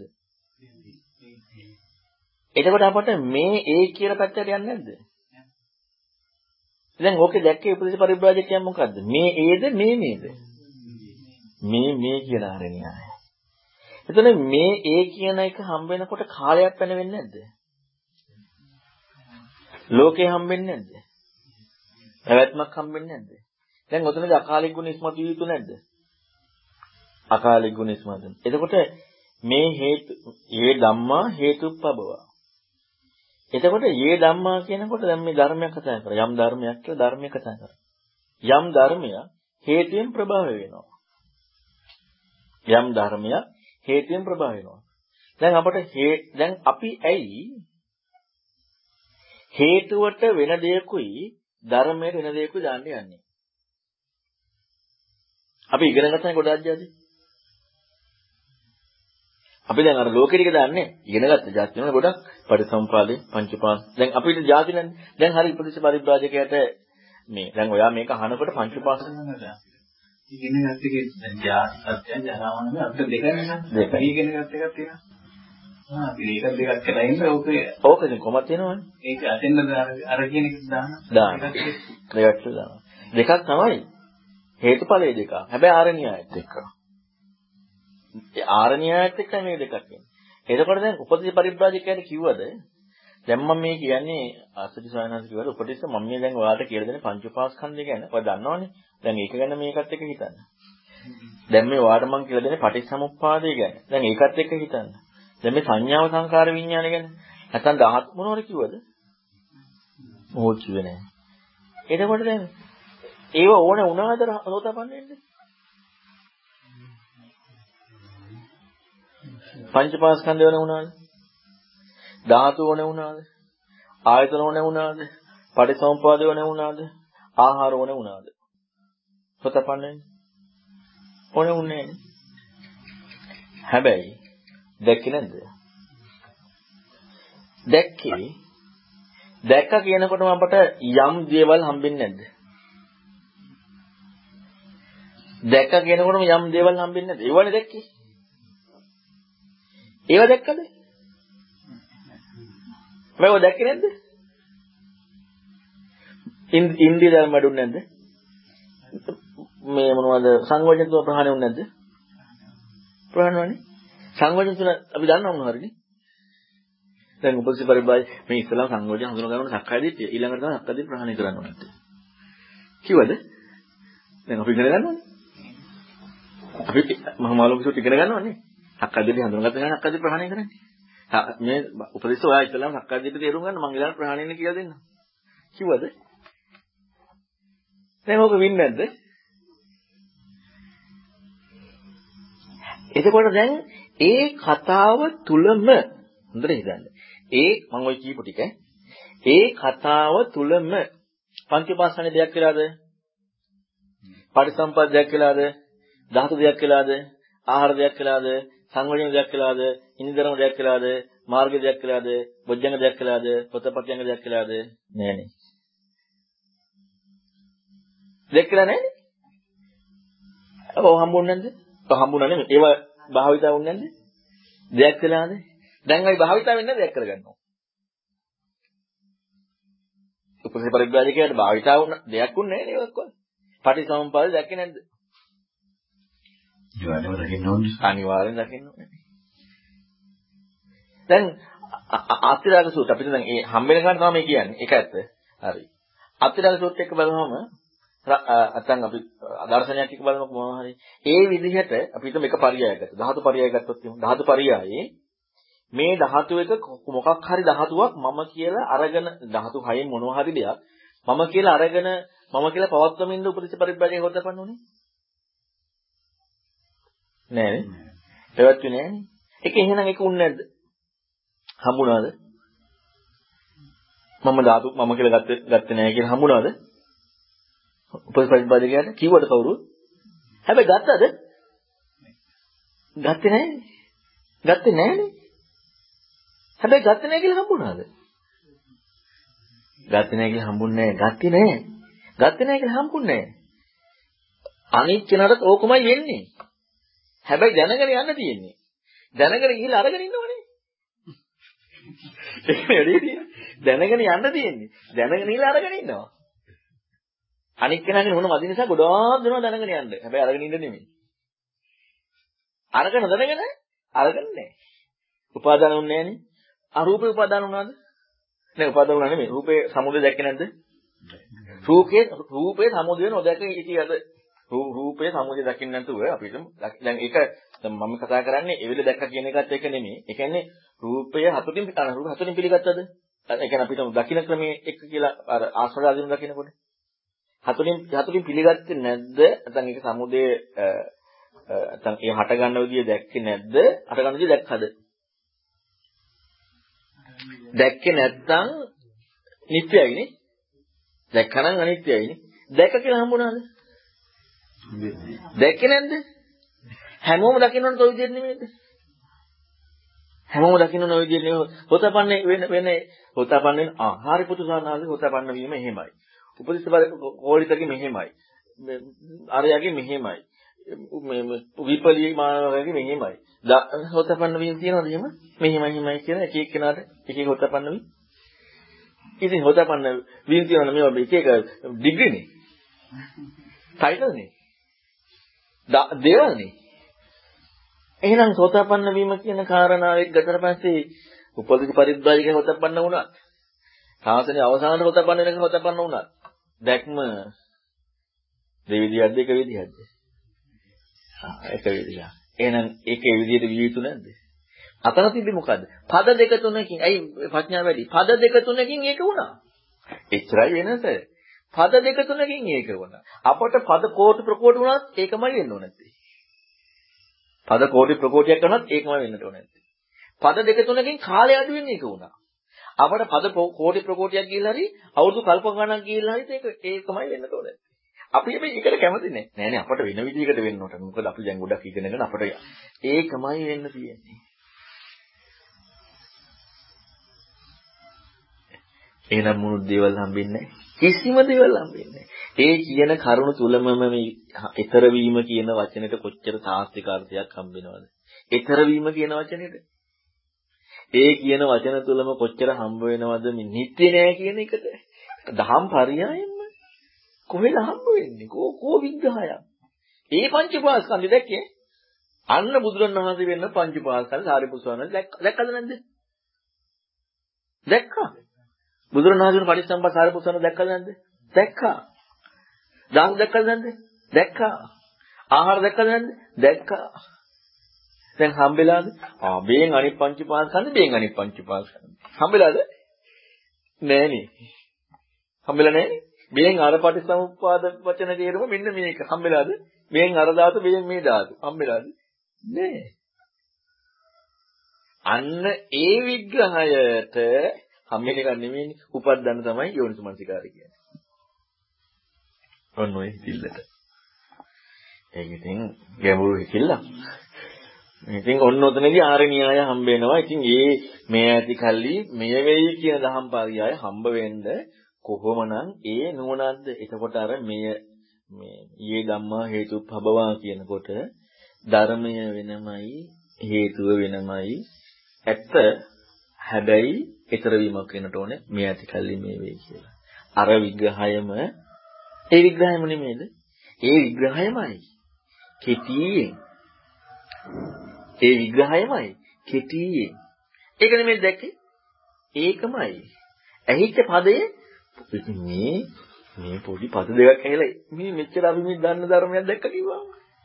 ඇයි අපි දන්න ධර්මයේ දැනුමනේ. අර අරක තමයි ගැඹුරුම දේ. බුද්ධ පරිබ්බජේ ගැටුණත් ඒකමයි. කාටවෙන්ද තියෙන්නේ ඒකමයි. ඔක්කොම මෙච්චරයි තියෙන්නේ. ඒ හේතු බලදුමත් පොඩ්ඩක්. ඒ ධම්මා හේතුප්පබව තේසං සගත වාක. තේසං හේතු ඒ හේතු සගතයන් වහන්සේ වදාලා. තේසංච නිරෝධං. දැන් එතන කියනවනේ මේ ඒ ඒ ඒ හේතු සගතයන් වහන්සේ වදාලා. ඵලය ඵලය කියන්නේ ඒ හේතු සගතයන් වහන්සේ වදාලානේ. නේද? තේසංච නිරෝධං ඉතුරු ටික මොකද? ඒවන් වාදී මහා සමනෝ. අන්න ඒක නිරෝධයක් මේ මහා සමනය වදාලා. ඉතින් බලන්නකො මේ උපදේශ පරිබ්බකවද මේ අසජි ස්වාමීන් වහන්සේ. ඒකත් ගන්න පදේ පදේ පද දෙක තුනක් කිව්වේ. මේ මහා ශ්‍රමණය වදාලා කියලා. ඒ කාටද ඇයිති? අසජි ස්වාමීන් වහන්සේ දන්න ධම්ම පද දෙක අන්න අර මහා ශ්‍රමණය වදාලා. අන්න අතාගතයන් වහන්සේ වදාලා. ඒ දෙක ඔය දෙක අපිට කියන්න බෑද? ඒ හේතුන් ධර්මය අට ගන්නවා. ඒ හේතු බුදු වෙනවා. ඒ හේතු මේකයි කියලා. අපිට ඒ හේතු මේක නැද්ද? ඒ හේතු මේකනේ. ඒ හේතුව කාගේද? තථාගතයන් වහන්සේ වදාළ. එතකොට තථාගතයන් වහන්සේ වදාළ කියන්නේ ලෝකයට වදාළ දෙයක් තථාගතයන් වහන්සේ වදාළ දෙයක්. අර හේතුවෙන් හට ගන්නවා කියන එක ලෝකයේ වදාළ දෙයක් තථාගතයන් වහන්සේ වදාළ දෙයක්ද? ඒ හේතුව තථාගතයන් වහන්සේනේ ඒ හේතු නිරෝධය තථාගතයන් වහන්සේ ලෝකයා කියන වචනේ යෙදිලා නැහැ. තථාගතයන් කාටවත් ඇයිද නැහැ. ඔන්නෝක වදාලා. අපිට හේතු මොකක්ද කියන්නේ? හේතු මොකක්ද කියන එක කියන්නේ නැතුවම ඒතර වෙනවා. දැන් මේ සුසේනා යසන විතරකින්. ඇයි හේතුව කියන්නේ? පොළමොට්ටල නිසා හිතන්න. ඇයි මදීනේ ප්‍රඥාව? අර ගොඩාක් කරවා හිතන්නට ඕන. කියන්නේ අලින් අර ඇයි ඇයි ප්‍රඥාවෙන් වැඩි කියන්නේ ඉතින්? ඔය ඔය ප්‍රඥාව කියන්නේ ඔය ප්‍රඥාව ගැන ඔය ප්‍රඥාව ගැන හිතා ගන්න බෑ. ඔය නෙමෙයි සුපටිපන්න ගැන හිතා ගන්න බෑ. ඔය ප්‍රඥාව ගැන හිතා ගන්න බෑ. බුදුන් වහන්සේ ගැන කොහොම මනින්නද? ඈ? ඒ උපදිත පරිබ්‍රාජකයේ ප්‍රඥාව ගැන අර එනකොටම කියනවනේ. ගිහි දෙන්නෙකුට කියන්නේ. ආ මහණෙනි මගේ අදසව්. මේ ගිහි දෙන්නෙකුට කියන්නේ. අන්න මගේ අදසව් දෙන්න එනවා. ඒ කියන්නේ කොහොම කොහොම හැකියාවක්ද? එහෙනම් බලන්න ඒ අනික අනික කන්යුමීම කන්යුමීමේකට ඒ පොඩ්ඩ ග්‍රහණය වීම. ඒක හරියට මේ වගේ උදාහරණයක්. මම අර කෝටියක් දුර කිලෝමීටරය ගන්නවා. කෝටියක් දුර කිලෝමීටරේ අපි ඉර්මි කතාව අතහරිමුකෝ. කෝටියක් දුර කිලෝමීටරේට කෙනෙකුට තියෙනවා තත්ත්වයට කෝටියෙන් එන වාහනයක්. කිලෝමීටර දැන් කෝටේ යන්න තියෙන්නේ. තත්පරයකට කෝටියෙන් යන දුර යන වාහනයක් තියෙනවා. ඒතකොට එක එක්කෙනාගේ තියෙනවා ඔන්න තත්පරෙන් කෝටියට යන තත්පරයට ලක්ෂ 10ට යන තත්පරයට ලක්ෂයට යන වාහන තත්පරයට මේ 18 10ට 5ට කොහොම යන වාහන තියෙනවා. අන්න උපදිත පරිබ්‍රාජකයාට හරියට තත්පරයට කෝටි යන වාහනයක් තිබ්බා වගේ. දැන් ඒ ඒ තත්පරයට කෝටි යන වාහනේ වටපිටාව පේනවනේ කෝටියක් යනකොට වටපිටාව එහෙම නෑ. වටපිටාව පේන්නේ නෑනේ. කෝටියක් එකකින් තත්පරයට නේද වටපිටාවක් පේන්නේ නෑ. හැබැයි යතෙන් යන්නේ නැද්ද? එතෙන්ම යනවා. තත්පරයට කෝටියයි. හැබැයි ඒකමනේ ගියේ. ඒකමයි ගියේ. ඊළඟට තත්පරයට අපි දුන ලක්ෂයක් ලක්ෂ පහක් කොහොම යන්නේ වටපිටාව ටිකක් පේනවනේ. එතන කියලා හිටියොත් එහෙම. දැන් අරිය යන්න ඕනේ. එහෙ කියලා හිටියොත් එහෙම. ඒක අල්ලගෙන ඉන්නවා. හැබැයි ඒ හරහා නෙමෙයි යන්න තියෙන්නේ. අර තප්පරේට කෝටින් ගිය කෙනාට ඒ හරහා. තප්පරේට ලක්ෂයෙන් ගිය කෙනාට ඒ හරහා. එයා හරි හිටියොත් ඒව හම් වෙනවනේ වටනේ. හැබැයි අර කෝටියට වෙන් කෙනෙක්ව පාස් කරේ නැද්ද? පාස් කරන ඉහරා ගියේ නැද්ද? හැබැයි ඕව හම් වෙනකොට මොකද වෙන්නේ? හම් වෙනකොට හම්බ වෙන්න නෙමෙයි දුන්නේ ඊතර වෙන්න. ඒවා අපි හිතමු හම්බ වෙන දේවල් පාලම්. ඊළඟට බෝක්කු.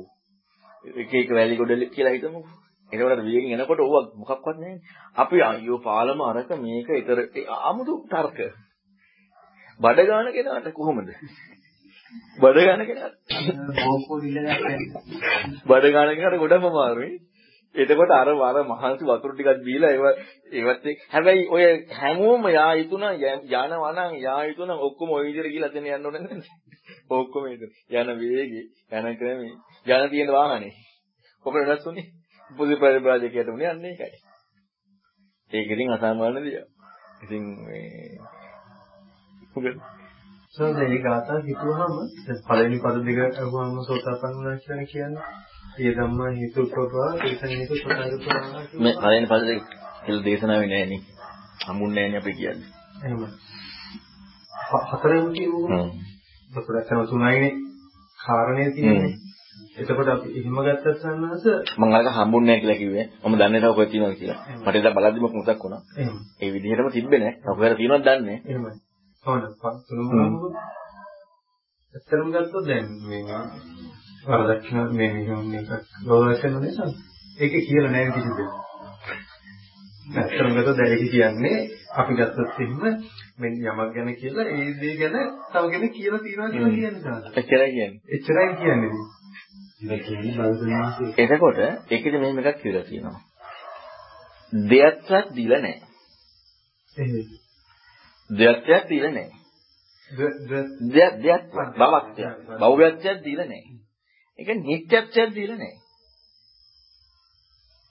හේතුන්ගෙන් හටගන්න ඔව් නෑ මම කියන්නේ හේතුව ඒ හේතුන් හට ගන්නවා කියන එක නෙමෙයි.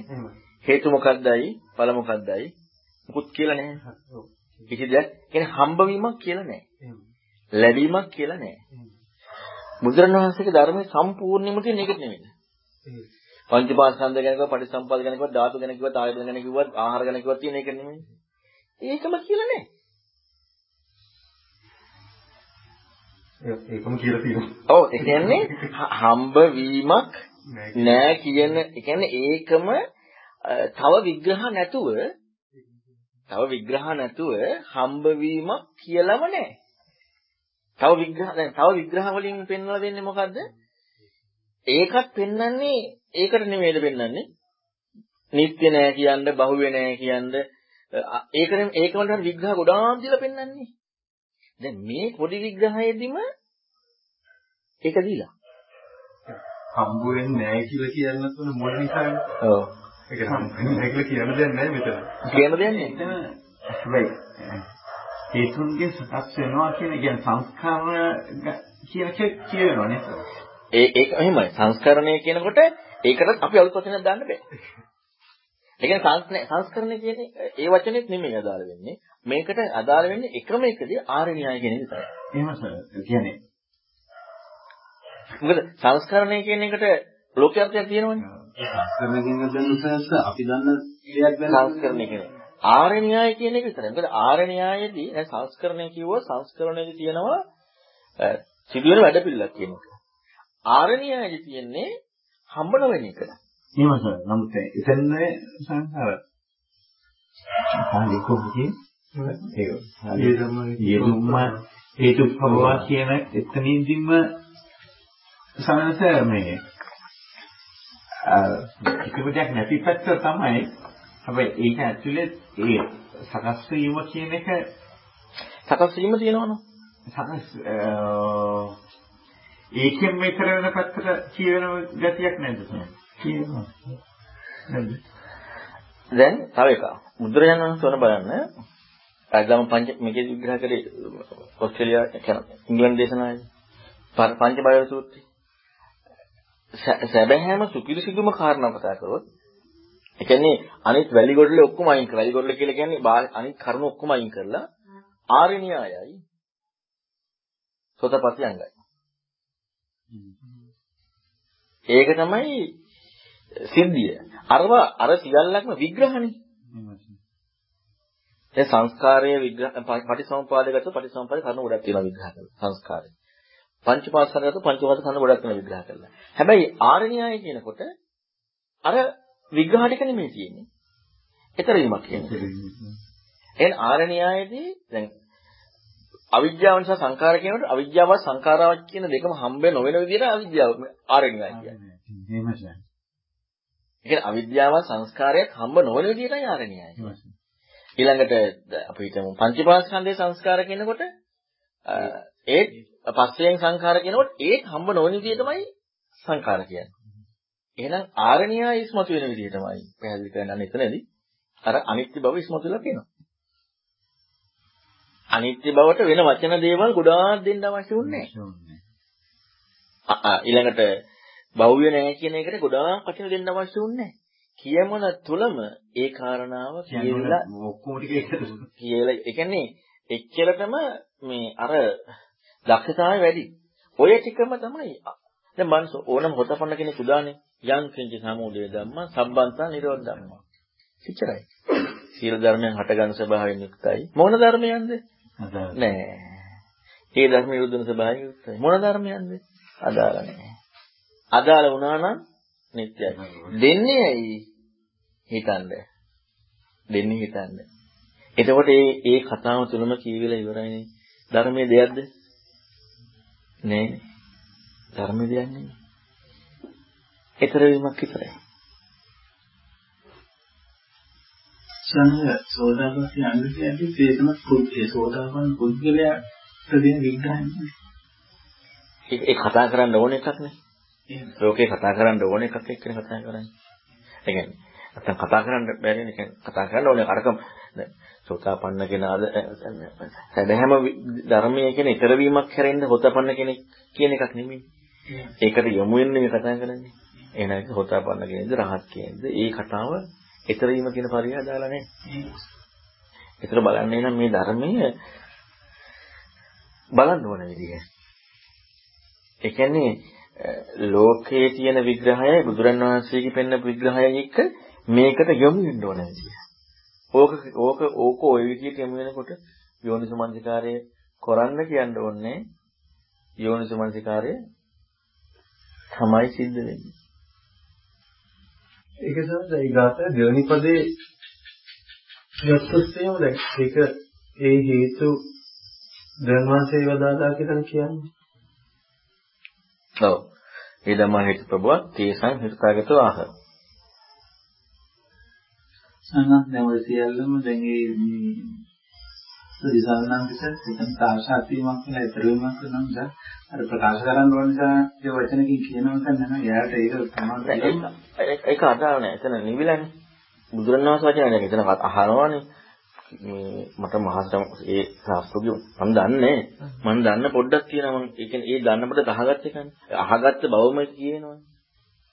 ඒ කියන්නේ ඒකම අහගත්ත බව කියනවා. එහෙනම් ඒක ඒක ඒ කියන්නේ මතක තියාගෙන අහලා මතක තියාගෙන දැක් කිව්ව එක. සහයෝග කිරීමක් තියෙනවා ඔව් එතන යොමු කිරීමකුත් තියෙනවා.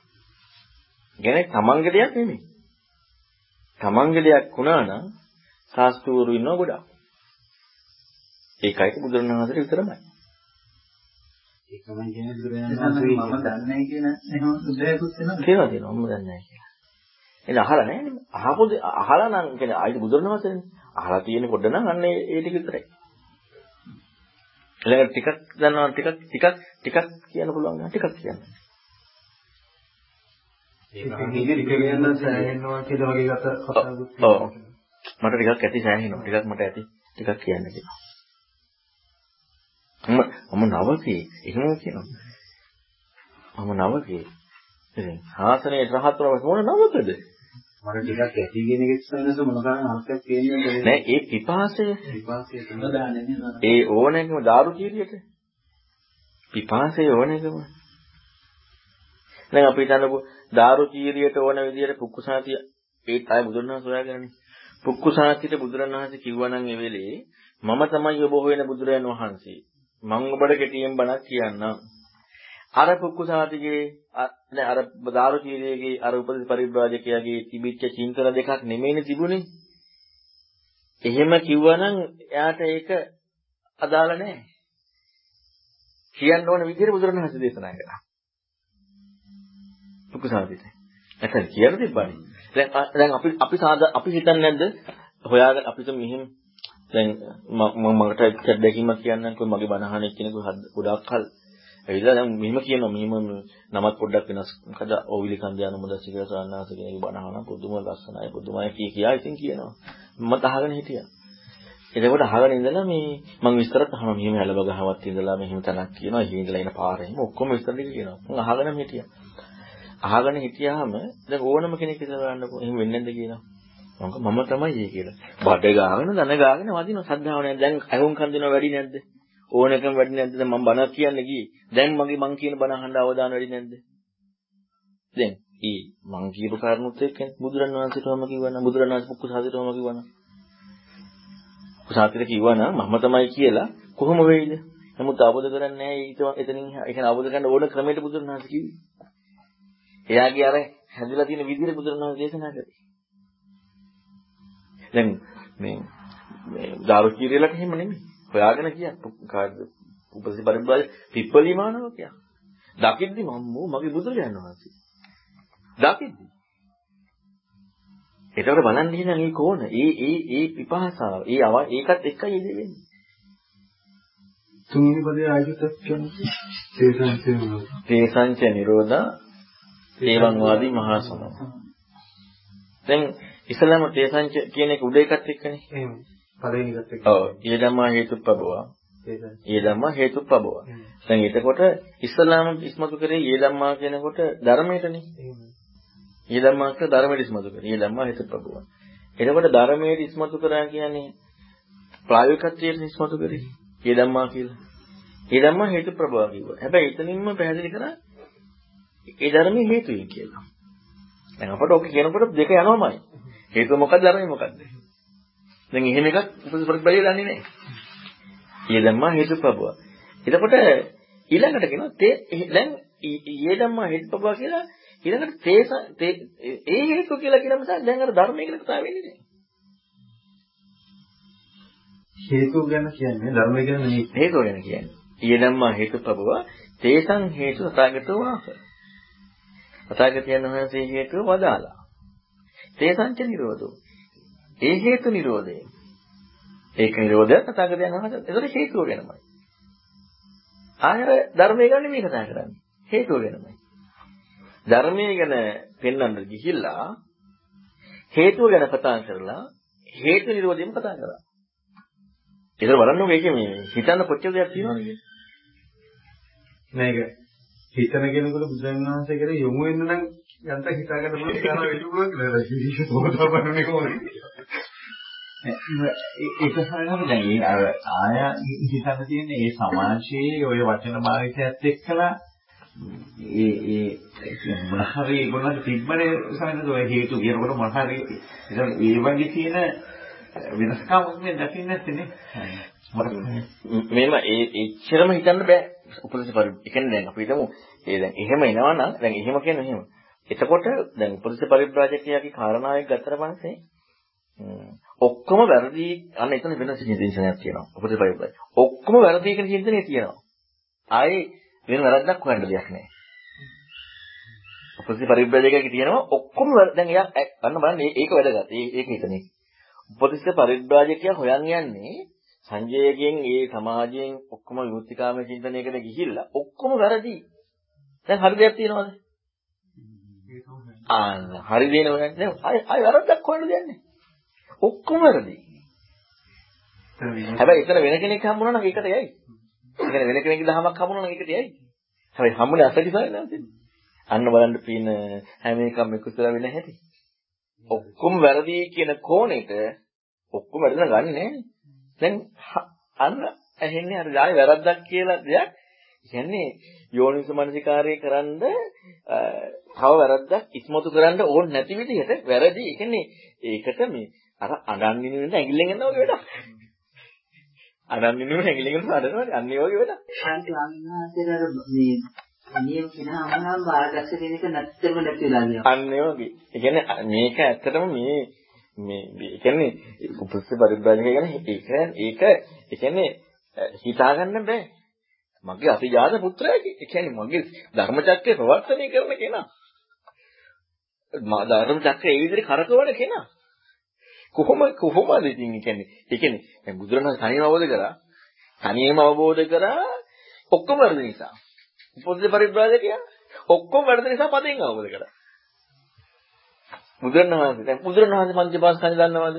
දැන් බුදු වෙන්න බුදු වෙන්න බුදු වෙන්න ඔක්කොම වැරදිනේ. ආයේ බුදුරණවහන්සේ පංචපාස්කන්ධ පටිච්චසමුප්පාද ආ හරි පංචපාස්කන්ධ මොකද්ද? හරි බුදුරණවහන්සේ දාරනේ උපෝසථ පරිබ්‍රාජකයාට තියෙන ඔක්කොම වැරදි. හරි එකක් නැහැ. ඔක්කොම වැරදි හම්බුනේ හරි එකයි. ඉතින් අර බඩගින්නේ කිරි බොන්න එනවා එළදෙන ගාන. බඩගින්නේ ඉන්නවත් බෑ බඩගින්නේ දූගෙන එල්ල තන බුරුල් එල්ල පොල් කියන බිගෙන යනවා. ඒ කියන්නේ අවශ්‍යතාවය එච්චරට වැඩි. ඒ එවිල්ල එච්චර කියන්නේ ඒ හිතිල්ල එච්චරම වැඩි. අන්න ඒ නිසා වැරදි ඒවා මොනවද අනවශ්‍ය ඒවා මොනවද මේකන තියෙන වටිනාම දේ කියන්නේ දෙකම නැත්තේ. වටිනාම දේ හරිම පදේ හම්බුනේ. හැකියාව උපරිමයි. හරිම පදේ හම්බ වෙච්ච නිසා අන්න ආය වැරදි එකයි හරි එකයි කිසි දෙයක් අදාළ වෙන්නේ නැහැ. සම්පූර්ණයෙන් එකට යනවා. ඒකේ සාර ගර්භයේ සේරම ටික තියෙනවා. එහෙනම් ඇති.